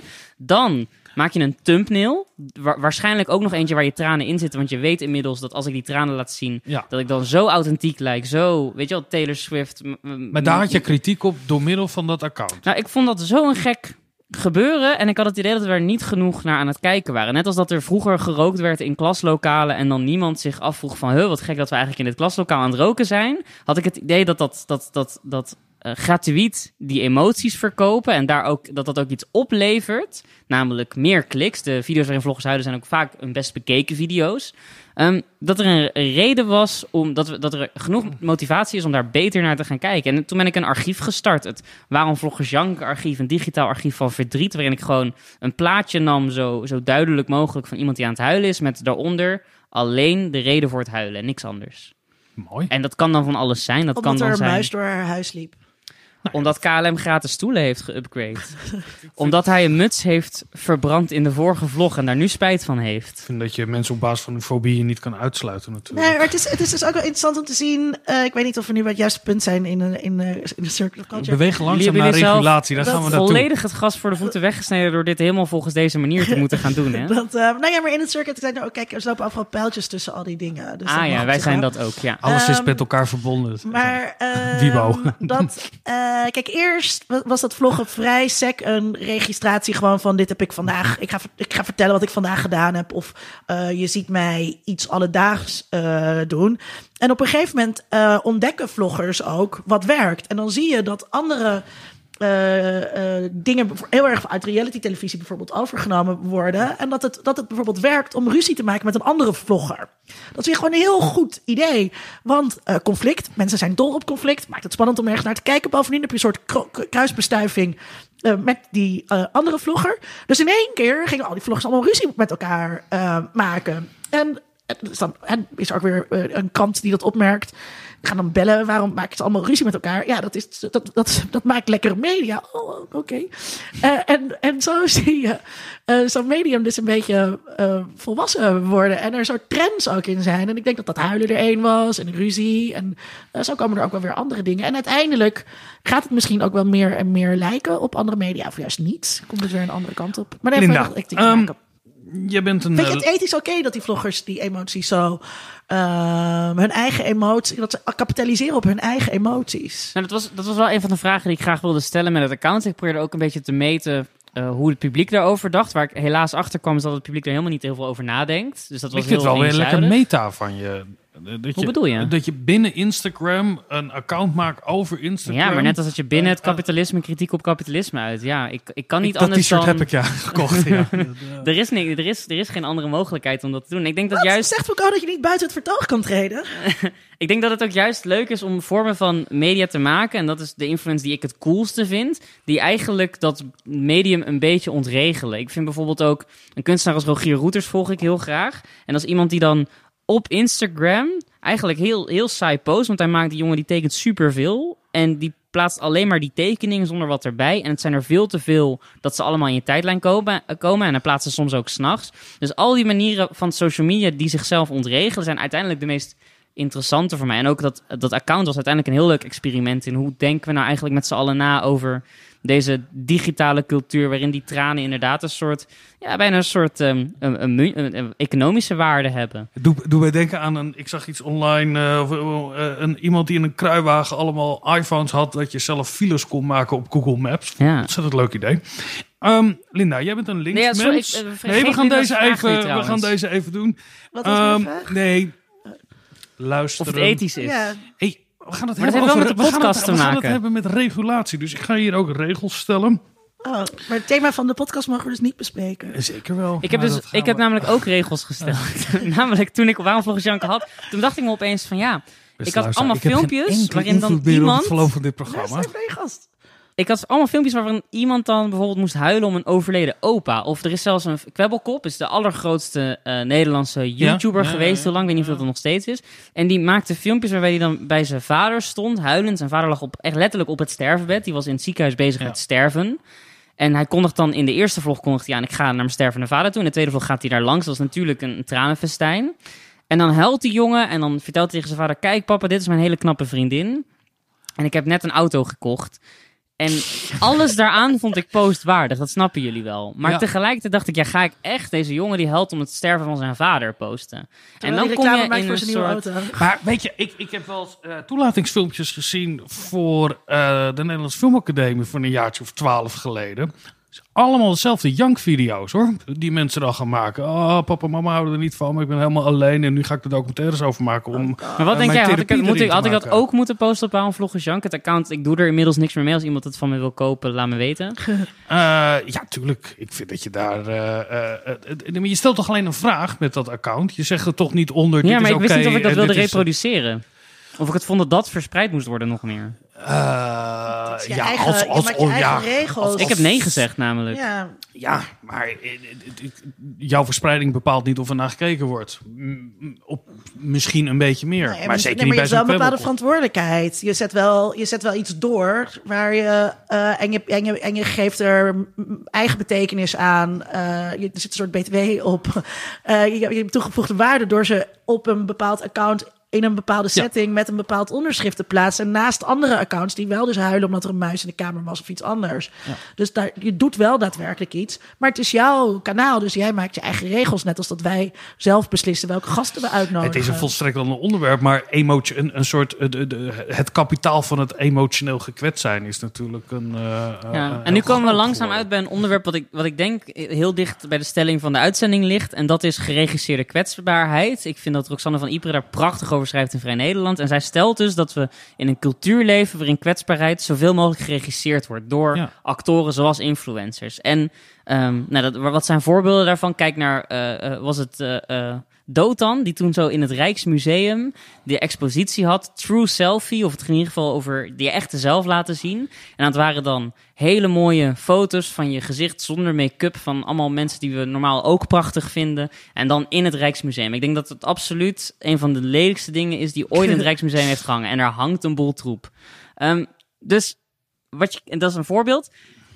Ander voorbeeld daarvan is, eh eh nou, heeft bijvoorbeeld eh, gehuild omdat haar haar zo slecht zat in een vlog. En dat dan mensen daarop reageren met, goh, maar Anna Nushin, jouw haar is prachtig. En dat zijn allemaal van die vormen waar we het ook net een beetje over hadden, van die interacties die eigenlijk al volledig bepaald zijn. Een interview wat eigenlijk geen interview is, maar gewoon alleen de antwoorden op een interview. En die geregisseerde kwetsbaarheid, dat is misschien ook wel de groot. Ja, Anne Roxanne van noemt het zelf de grootste mindfuck van dit moment. Want dat is dus waar we constant mee geconfronteerd worden nu in onze tijdlijnen. En waar ook in mijn ogen dus eh, influencers een soort ethische grens overgaan. Waarbij ze, waarbij ze hun kwetsbaarheden inzetten om hun, of hun merk groter te maken. Of hun merk authentieker te doen lijken, dus ook groter te maken. Maar En waarom vind je is- het erger dat de kwetsbaarheid, eh, waarom is dat erger dan bijvoorbeeld woede? Als dat nou, omdat kwetsbaarheid zijn. je een soort van onschendbaarheid geeft. Als ik jou vertel van ja, maar mijn vader is dood, dan ga je toch wat voorzichtiger met mij om. Zeker als ik zeg dat het deze week is gebeurd. En daarmee wordt die kwetsbaarheid een soort schild. En wat voor eh, influencer heel belangrijk is, is denk ik steeds meer om zich veiliger te voelen. Dus die kwetsbaarheid is voor hen ook een soort schild geworden tegen dat massale hysterische publiek, wat eigenlijk zegt een hekel te hebben aan alle influencers, maar het toch zo graag wil volgen. Maar dat is, ik denk dus juist dat ehm, ik- mensen die mij volgen denken heel vaak dat ze heel veel dingen van mij weten. En ik ben ook iemand die sowieso makkelijk praat. Maar ik vertel heel weinig over mezelf. Dus ik praat de hele tijd, maar ik vertel heel weinig Klopt. over mezelf. en eh, het, is, het is een soort hiding in plain sight. Weet je wel? Dat je, je, je laat. ehm, en dat is juist het mooie, denk ik, aan eh, sociale media. En ehm, volgens mij heeft Nathan Jurgensen, die jij ook heel tof vindt, heeft het ook wel eens gezegd. Het is een soort waaierdans eh, die je doet, waar je bepaalde aspecten van jezelf laat zien en andere eh, verborgen houdt. En die georchestreerde eh, kwetsbaarheid is dus juist, denk ik, een heel goed, goede manier om jezelf te beveiligen. En dus wel een bepaald domein Ja. privé te houden. En dat moet je ook. Zelfs voortbordurend op Nathan Jurgensen, wiens, inderdaad, wiens werk over social media echt te gek is. Magazine- wat- een plek die ik ook heel graag lees is Real Life Magazine. En die schrijven heel veel over de dualiteit offline, online, die zij niet zien als een soort twee eindes van een lichtknop, maar wat gewoon echt één wereld is, die steeds meer invloeden en verstrengelingen heeft. Ehm, maar wanneer hij zegt dat, je, ehm, dat het een waaier is, denk ik dat we nu steeds meer toebewegen naar een social media. Als ik op mijn tijdlijn vandaag de dag op Instagram 2020 kijk, dan zie ik alleen nog maar de waaier. Er zit niks meer achter de waaier, vrees ik heel vaak. En ik denk dat dat een beetje de cultuur is die gecreëerd is door enerzijds algoritmes die elke dag veranderen, waardoor influencers steeds meer hun stijl moeten aanpassen aan wat de machines van ze willen.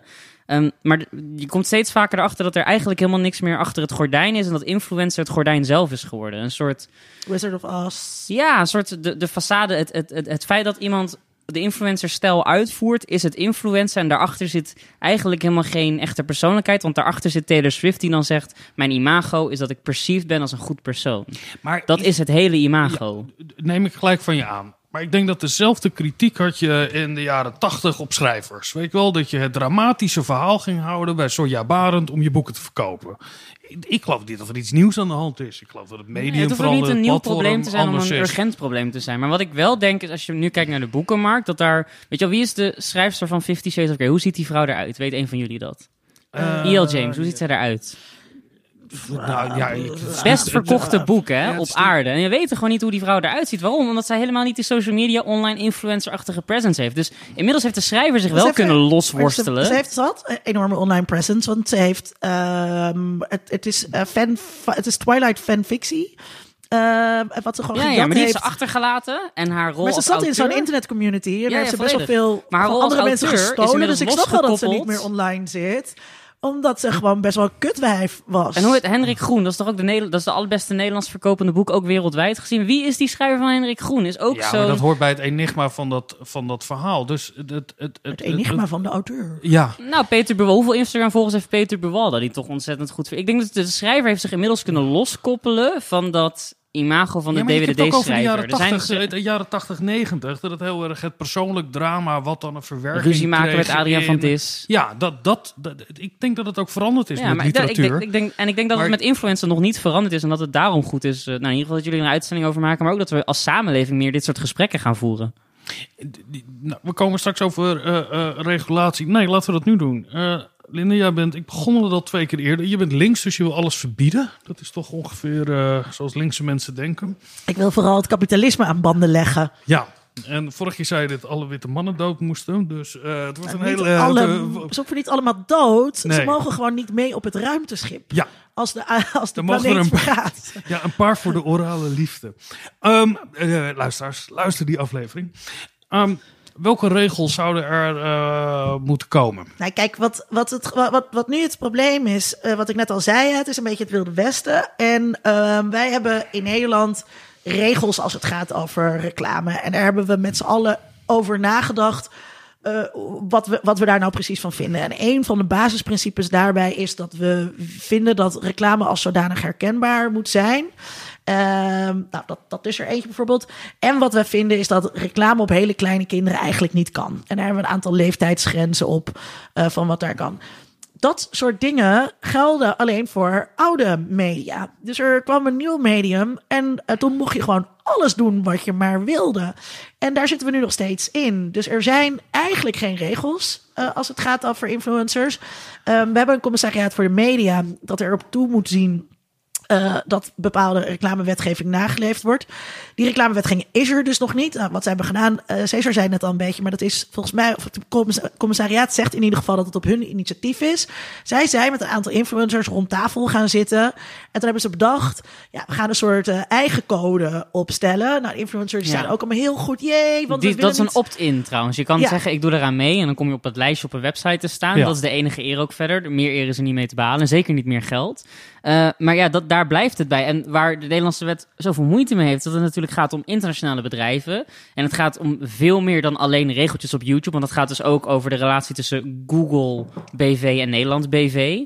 En het wordt steeds moeilijker ook om je aan te passen aan hoe snel die media evolueren. Nu met TikTok zie je dat TikTok ziek populair is onder jongeren. En dus ook jongeren, uh, jonge makers daarvan. Ik heb er laatst eentje geïnterviewd.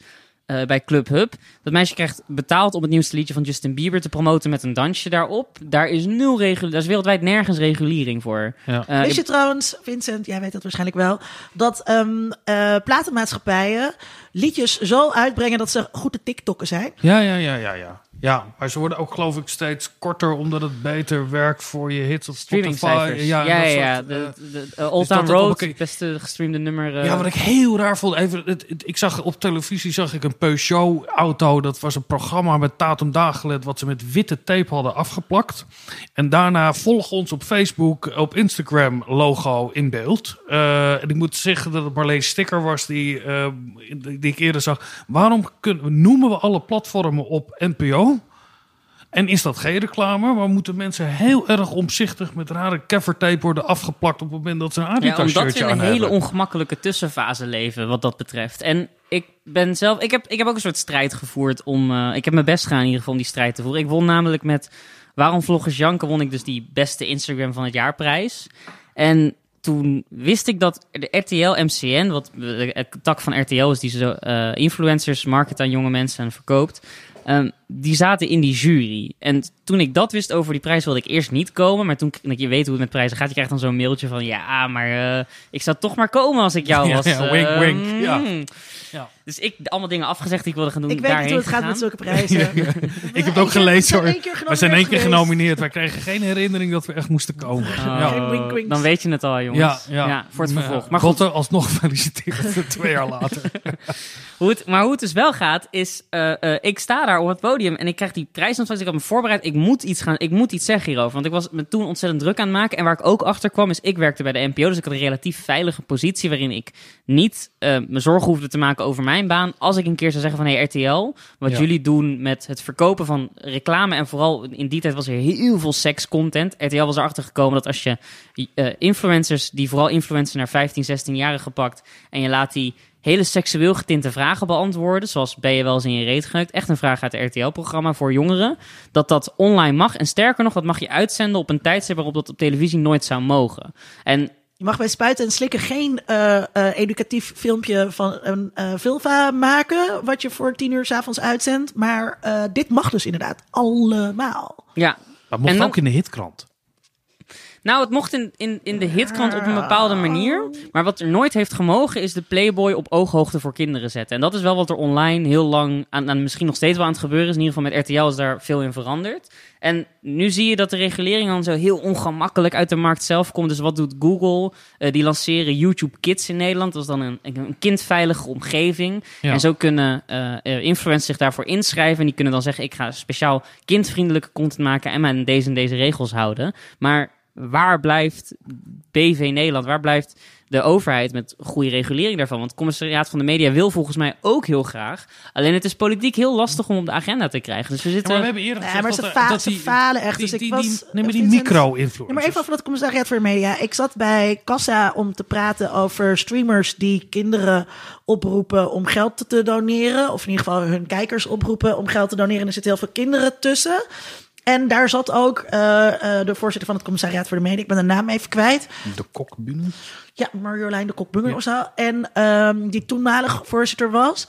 En ik sprak haar daarop aan. En zij kwam met zo'n verhaal. Hè, we doen het beste wat we kunnen.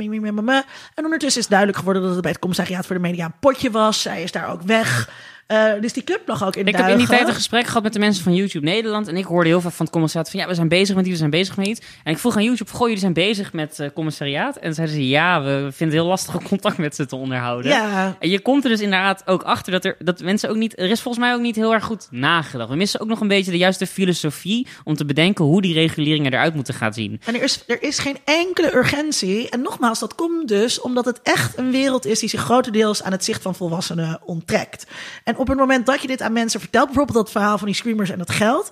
Mensen schrok, mensen, ik vertel het wel, mensen, mensen schrikken daar enorm Er is een heel van. grappig verhaal met dat argument RTL wat je- MCN. Dus ik heb daar aanklachten over gemaakt, omdat dat online zo open en bloot gebeurde en echt veel streams binnenhaalde. Terwijl het overduidelijk hele slechte beelden over seksualiteit aan het promoten was, aan het verspreiden was. En toen hoorde ik later via via dat RTL dat programma op een gegeven moment... Ja, er was een gat in de programmering. Nou, laten we dat uitzenden op ons jongerenslot op zondagmiddag. En dat ze toen na twee afle of drie afleveringen gestopt zijn daarmee... omdat ze zoveel gebeld werden door ouders die zeiden... waar kijkt mijn kind nu naar?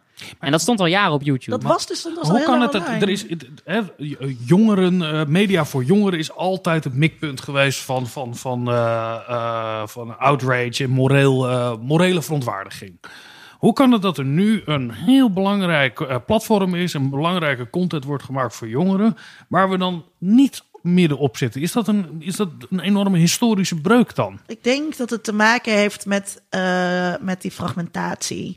Dat, ehm, eh, kijk, je, je kon je druk maken over de breakouts, waar, of de Webber. De Webber, waar stonden ook weer die naakte mensen break- in? Dat, ja, het was niet de niet voor- het was, niet ja, voor Dat Girls waren, and dan ook, Parrots? Ja. dat waren dan ook inderdaad eh, meisjes uit Polen, uit Oostblok, toch? Want Ja. het leken dan, nee, dan zeiden ze dit is Tessa, maar dat was niet Tessa. Ja, het was Tesha. maar, ehm, Je gooit nu gewoon mijn hele jeugd te grabbelen. Hè? Maar nu al mijn vooral. maar, maar dat was nog, dat was nog redelijk ehm, eh, centraal en goed te herkennen, zeg maar. En Ja. nu, ehm, er zijn gewoon heel veel vloggers en heel veel influencers. En ehm, iedereen, het lijkt alsof iedereen naar iets anders kijkt, terwijl dat tegelijkertijd niet zo is. En dat zie je dus bijvoorbeeld in waarom zo'n Nikki Tutorials dan zo heel groot is en iedereen herkent.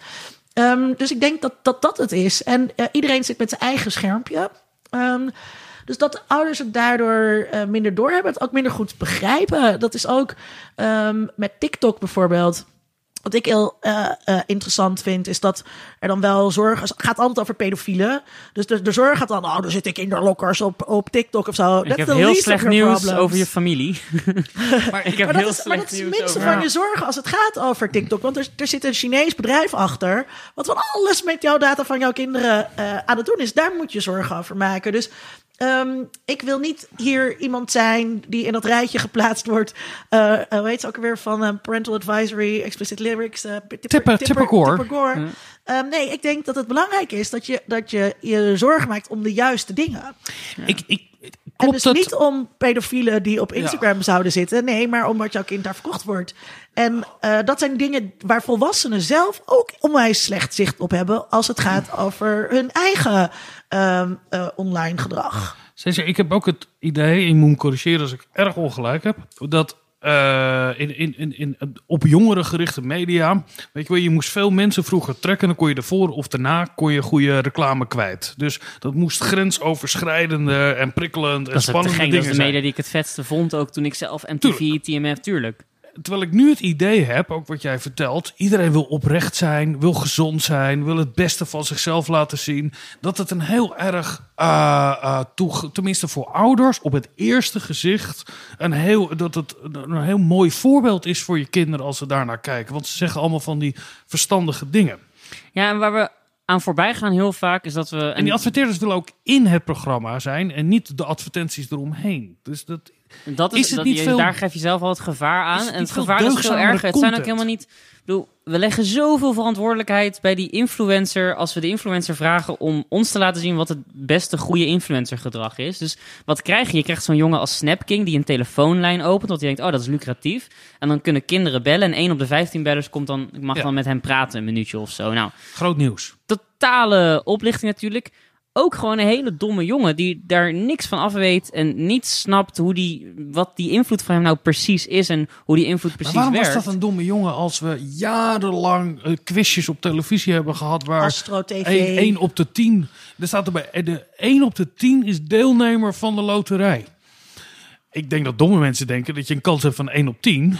Eh, maar waarom is er zo'n ophef? Ik vind dat die, die, die influencers aan veel striktere normen worden gehouden dan worden, dat je... worden ze helemaal niet aan normen gehouden. Nee, maar in morele ophef daarover. Er is een jongen waar de laatste boze dus aflevering van Tim. Hofman Nou ja, zoals Snap, over gaat. Snapking dat doet, is er een probleem. Ja, ja Snapking is gelukkig inmiddels wel voor een rechter verschenen om hele andere eh, zaken die trouwens ook allemaal afschuwelijk zijn. Fuck die jongen totaal. Maar eh, Tim Hofman heeft een aflevering gemaakt over een jongen van een YouTube kanaal Gewoon Doen. Die zijn groot geworden echt op zichzelf met een filmpje waarin ze meisjes op straat vroegen mag ik jou drie keer in je borsten knijpen voor 20 euro. Dat is een, een oudere truc dan YouTube zelf.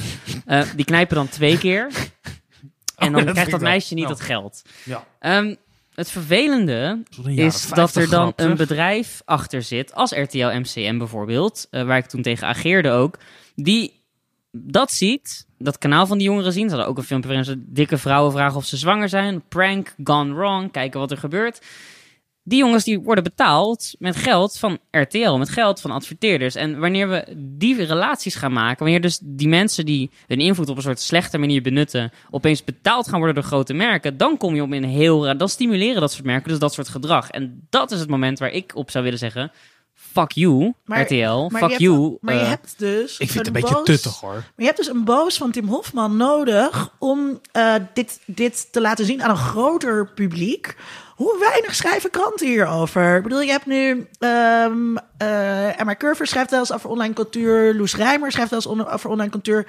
Lisa Bouillere doet het wel eens, maar het is echt minimaal wat daarvan doorcijpelt in, in eh, die mainstream media. Dus die morele ophef die wij nu voelen, die wordt helemaal niet breed gedragen. Dat is helemaal niet iets wat overspeelt naar de talkshowtafels of naar de kranten. Daar zijn, die mensen zijn helemaal niet, dit komt helemaal nee. niet Nou, het enige narratief wat we daar kennen is, eh, ja, influencer. Het is allemaal zo leeg. Het is allemaal Oh, zo... ze waren in Chernobyl selfies aan het nemen, super slecht. Ja, en, en dan, kom je, dan kom je op En zo dat dat, oh ja, toerismegesprek, Dat wil ik net zeggen. Er gaat dus de hele tijd ehm, eh, een gesprek over zorgen eh, rond. Of over, het is een aandachtsafleider. Dus kijk eens hoe oppervlakkig die influencers zijn. Nee, dat is nou juist waar je niet naar Nee, moet kijken. d- durf die verpakking los te laten. Want dat doen de gebruikers wel. Die doen alsof die verpakking niet bestaat. Sterker nog, het consumeren van Instagram gaat heel erg om die nepheidsverpakking zo goed mogelijk negeren. En wie ook als influencer de verpakking van niet-realiteit of van gemaaktheid zo goed mogelijk verbergt. Het lijkt een beetje de conclusie van de aflevering. Dat is de influencer die wij het meest als echt eh, eh, zien. En misschien daardoor ook het minst echt is juist. Maar wat moeten we doen? Het lijkt mij toch een heel onwenselijke situatie als Nou, we moeten stoppen, sensor moeten krijgen. stoppen met of, eh, influencers eh, niet serieus nemen. En die narratieven van, van oh, wat een mindless. Dat, daar moeten we mee stoppen. Dat moet echt de volgende keer dat ik op mijn tijdlijn weer iemand zie die zegt: Kijk eens, al deze domme influencers gaan naar. eh, maken selfies bij dit protest. Of ze maken selfies inderdaad in Tsjernobyl. Ja, alsof toeristen niet ook zich als toeristen gedragen al jarenlang, duizenden jaren. Ehm, dus Alsof mensen in dat- Auschwitz geen foto's maken van Auschwitz. ja, alsof dat op schoolreisje niet al gebeurde, inderdaad. En ook alsof ehm, dat echt het probleem is waar we het over hebben. Alsof zeg maar. eh, eh, er is een, er is, dat is een tekst van Rob Horning die ik heb gelezen. Die heet This is My Festival. En daar praat hij over Joni Mitchell. Die op een gegeven moment klaagt dat mensen in. Dat er mensen aan het dansen waren op een festival met native bevolking van een plek. En dat die native bevolking eh, nagedaan werd door de toeristen. Maar dat ook de, dat ook de native bevolking zichzelf als toeristen gingen gedragen. En dat, dat heb je online nu heel veel. En dus die, die, die boosheid, die moeten we beter gaan channelen. We moeten daar iets anders mee doen. Want het is niet meer genoeg om te zeggen... Jezus, kijk deze domme influencers weer eens. Die zijn niet dom. Sterker nog, ze zijn een stuk slimmer dan we denken. En het is goed om daarom juist met ze in gesprek te gaan... en te vragen, hé, maar wat doe jij met je influence? Wat, wie influence jou? En het lijkt me goed als het dus gaat over wat moet je reguleren. Dat we eh, wat we eerder besloten hebben ook laten gelden voor influencers. Ja. Dus eh, geen reclame op kinderen. Reclame die als eh, zodanig herkenbaar is. En dat betekent niet dat het helemaal onderaan de beschrijving staat... dat er ook een gesponsord product in video sto- zat. En je weet niet wat het was. Was het de trui of de tandenborstel? Ehm, eh, het- daar, daar moeten we beginnen. Zo moeilijk is het allemaal niet. En neem geen mensen in dienst die meisjes op straat vragen om in hun borsten te knijpen, bla bla bla. Maak ook geen video waarin je eh Femke Louise vraagt of ze al in de reet geneukt is terwijl het meisje 17 is. Ehm, laat dat. Het, is, het, het lijkt me niet Ja, dat we om dat het meest ultimate beetje- vragen. Ja, maar toch? dat- ik vind niet- dat een beetje tuttig hoor. Dat, je, dat, dat het wel allemaal. eh, ja, Het dat- is dat- tuttig dat- totdat je de foto's ziet van, weet je Ja, wel, zo'n fan-event van Femke Louise. En dan kom je erachter dat het geen 16-jarigen zijn, maar 8, 9, 10, 11-jarigen. Ja, ik snap dat dat heel vervelend is. eh, maar dat er content gemaakt wordt waar je eh, eh, aanstoot aan neemt. Ik zou niet willen dat we, eh, dat we als norm gaan stellen dat mediacontent niet Maar aanstootgevend zou mogen nee, maar zijn. dat is, maar dat is even terug. Kijk, eh, vroeger was het ook zo dat eh, de Yes, die zei altijd: eh, dit is een blad voor meiden vanaf een jaar of 18. Maar het werd gelezen door meiden vooral tussen de 14 en de 18. Eh, hè, dus dat je wil altijd mee, zeker als je jong bent, wil je media C-boeken gebruiken. lezen in de Ja, bibliotheek. die bij, die bij een hogere leeftijds ja, eh, die leesniveau eh, negen. groep Oh. horen. Ehm, Oké, dat begrijp ik. En ik begrijp dat het hartstikke spannend is om bepaalde games te spelen als je 12 bent. En het zijn eigenlijk 18-plus games. Maar we hebben wel die leeftijdskwalificatie daarop zitten. Dus er zijn gewoon. eh, dat hebben, we hebben de kijkwijzer. Waarin gewoon staat: dit is content die geschikt is voor vanaf een jaar of 12. Ehm, vragen of iemand is reet geneukt is, vinden bijna alle ouders niet oké als hun achtjarig kind daar naar kijkt. Maar die ouders hebben dat dus echt niet door waar die kinderen eh, naar kijken. En eh, ik weet niet of dit überhaupt te reguleren is, maar het zal wel aardig zijn ehm, eh, als, dat er, als er wel kwam. En dat je gewoon duidelijk kunt zien als ouder. Dit is een kanaal waar bepaalde content in voor is gekomen en voor zal komen. YouTube is daar nu ook mee bezig. Je moet elke keer aangeven, eh, heel expliciet, of ehm, eh, een video geschikt is voor kinderen. Ehm, en dat is niet om het internet puur te maken van alle seks eruit. Ik bedoel, ik ben dol op seks. Maar het mag wel iets meer aan banden gelegd dan dat het nu is.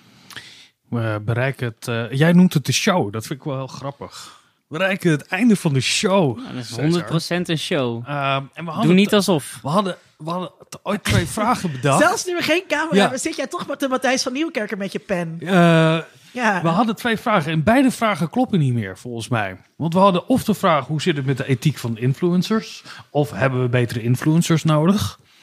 Maar volgens mij ga jij zeggen, kijk niet zo steeds naar die influencers. Mag je over nadenken? Linda, aan jou het ene laatste woord. Ehm, Hoe beantwoorden we wij deze vraag? hebben. Wat ik, wat ik, waar mijn ding, als je nou even terug naar het Circuit of Culture. eh, eh, en mijn zorgen eh, zitten dus vooral aan die productiekant. En daar gaat ook die regulering eh, over. Dus veel minder over die consumptie, maar echt over die productiekant. en dat vind ik wat we al benoemden. Bij andere media vind ik dat ook de meest interessante kant. Hier is het minst ehm, over bekend. En eh, dus wat ik belangrijk vind, is dat mensen zich daar meer bewust van worden. Hoe wordt zo'n video gemaakt? Waarom wordt zo'n video gemaakt? Die persoon die daar aan het werk is, wat verdient hij nou eigenlijk? Is dat goed eh, salaris? Dat je zulke vragen erover stelt en dat je minder bezig bent met de tekst zelf. Hè, met wat die influencer daar nou eh, precies op laat zien. Want dat is helemaal niet zo boeiend. Ja, ik, ik, wat ik ermee van neem is dat het hele idee van het is leeg maar onbedreigend, dat het precies andersom. Het is eigenlijk heel inhoudsvol, het kan ook heel mooi zijn en er kan ook zeker wel wat negatieve dingen aan zijn. Cesar, jouw eh, Ja, ik heb, laatste ik heb woord. nog steeds, ik heb alleen maar meer vragen. En ik, en ik zou willen voorstellen dat we met z'n allen ook meer nadenken over, goh, eh, wat is anti-influencer gedrag? Ik denk zelf dat het trollen is. Ehm, maar in ieder geval, we moeten een manier gaan bedenken dat die wat is, hoe, hoe kun je bijvoorbeeld niet influencer, maar wel iets posten op social media? We moeten ons steeds meer gaan afvragen hoe wij ook als normale Instagram-gebruikers, want de meeste mensen willen helemaal niet vastzitten in die online cultuur die heerst, waarin je dus moet invloeden en, en, en moet reproduceren wat die influencers doen. Maar helaas is dat nou eenmaal de stijl geworden van Instagram. Instagram begon als een soort fotofilter en nu emuleren we allemaal de stijl van die influencers. We willen allemaal doen alsof ons leven een videoclip is. Ja, dus is het, kunnen we een manier vinden Ik niet, om, hoor. Om dat, om dat Eh, wat even- saaier te maken? Kunnen we social media saaier maken of zo? Ik weet niet, ik hoop Wat dat doe jij we... eigenlijk op jouw Insta? niks. Zit je alleen maar te lurken naar wat Cesar en ik doen? Eh, d- nou ja, ik, ik volg, ik, ik kijk daar ook echt nooit op. Nou, Ja, Ook het is voor niks. Eh, ja, je moet het niet Op voor jou mij heeft doen. het geen invloed. Ja, ik zie jou wel altijd heel hip doen. Ja. Ja, oh, dat zie je dan wel. ja. Ja, en ik zie jou altijd eten. Ja, Dat, dat, ja, heel veel eten. Heel veel. dat is wel... Heel Je ziet nooit Caesar eten. Caesar eet ook echt heel veel. Ja, met altijd dezelfde tekst erbij. Wie is deze jongen en waarom eet hij zoveel? Precies. Ja, dat is ook zo'n branding die je dan eh, aan het volhouden bent. Sorry, Dus- ik En het je. trucje doorhebben, het je- trucje doorhebben is niet genoeg. Je was, je was nog vragen aan het stellen. Ja, nou, het, zijn, het zijn eindeloze lijsten aan vragen die ik, die ik voor mezelf ook heel graag wil beantwoorden. Ik ben wel, eh, dat is misschien om het wat positiever af te sluiten, ik ben wel blij dat het inmiddels wat beter gaat wat betreft dingen voor jongeren op YouTube. Dat dat onderscheid, dat het, het bewijst namelijk dat het wel kan en dat ook blijkbaar de makers... Ik denk uiteindelijk dat het voor die vloggers ook niet leuk was om zoveel vervelende seksvragen te beantwoorden, terwijl je gewoon leuke filmpjes over het uitpakken van speelgoed maakt. Ik stel voor dat we het hier nog een keer over gaan hebben. Ik stel eh, hetzelfde Een voor. volgende Dat we keer. alsnog die vraag over die we hadden bedacht, dat we die dan alsnog kunnen beantwoorden. En dan mag jij ook weer het boek erbij halen. Beste luisteraar, dit was aflevering 102 van de podcast Onder Mededoctoren. We hebben deze show gemaakt met Sona Arslijn, Marijn Joop, Frederik Tuilers, Marius Kooi, Linda Duits en ikzelf, Vincent Kronen. Onze dank gaat uit naar Wiebo van Schravendijk, Cesar Majorana, voor de mensen heel erg die hem nog bedanken, niet kennen. Ehm, en volgende keer gaan we het niet hebben over eh, eh, rechtse media, maar over Uiterst rechts. uiterst rechts. Niet, Dus niet media, uiterst rechts. Gewoon uiterst rechts. Eh, Gewoon de politieke beweging uiterst rechts. Denk je zelf, nou, ik ben ook wel uiterst rechts. Weet je wel, ik voel me bij verwanten mee. Luister naar ons allemaal. Ehm, we zijn er Je moet, nog, over. eh, je moet nog vragen of ze liken en subscriben. Like en subscribe. Ehm, geld moeten ze ook en- geven. Waar ik en- en je eerder moet geld geven via Ja. Patreon. Want anders, Eh, anders, moeten we, anders moeten we daar advertenties gaan plaatsen. En ik eh, luisteren jullie dit en dan denk nou, ik wil heel veel producten opgestuurd krijgen. Die Le Crest set die, eh, zo, die net genoemd werd door Cesar, die wil ik Wat heel wil je graag nog zeggen. Cesar? Ja, dat jullie niet eens een blikje cola hadden. Dus dat Patreon geld is wel nodig hoor, luisteraar. Nou, met deze mooie woorden van, van Wiebe, Cesar, versluiten we hem af. Tot de volgende keer. Leuk jongens! Onder Mediadoktoren is een podcast van Vincent Kronen en Linda Duits. Meer informatie vindt u op ondermediadoktoren.nl.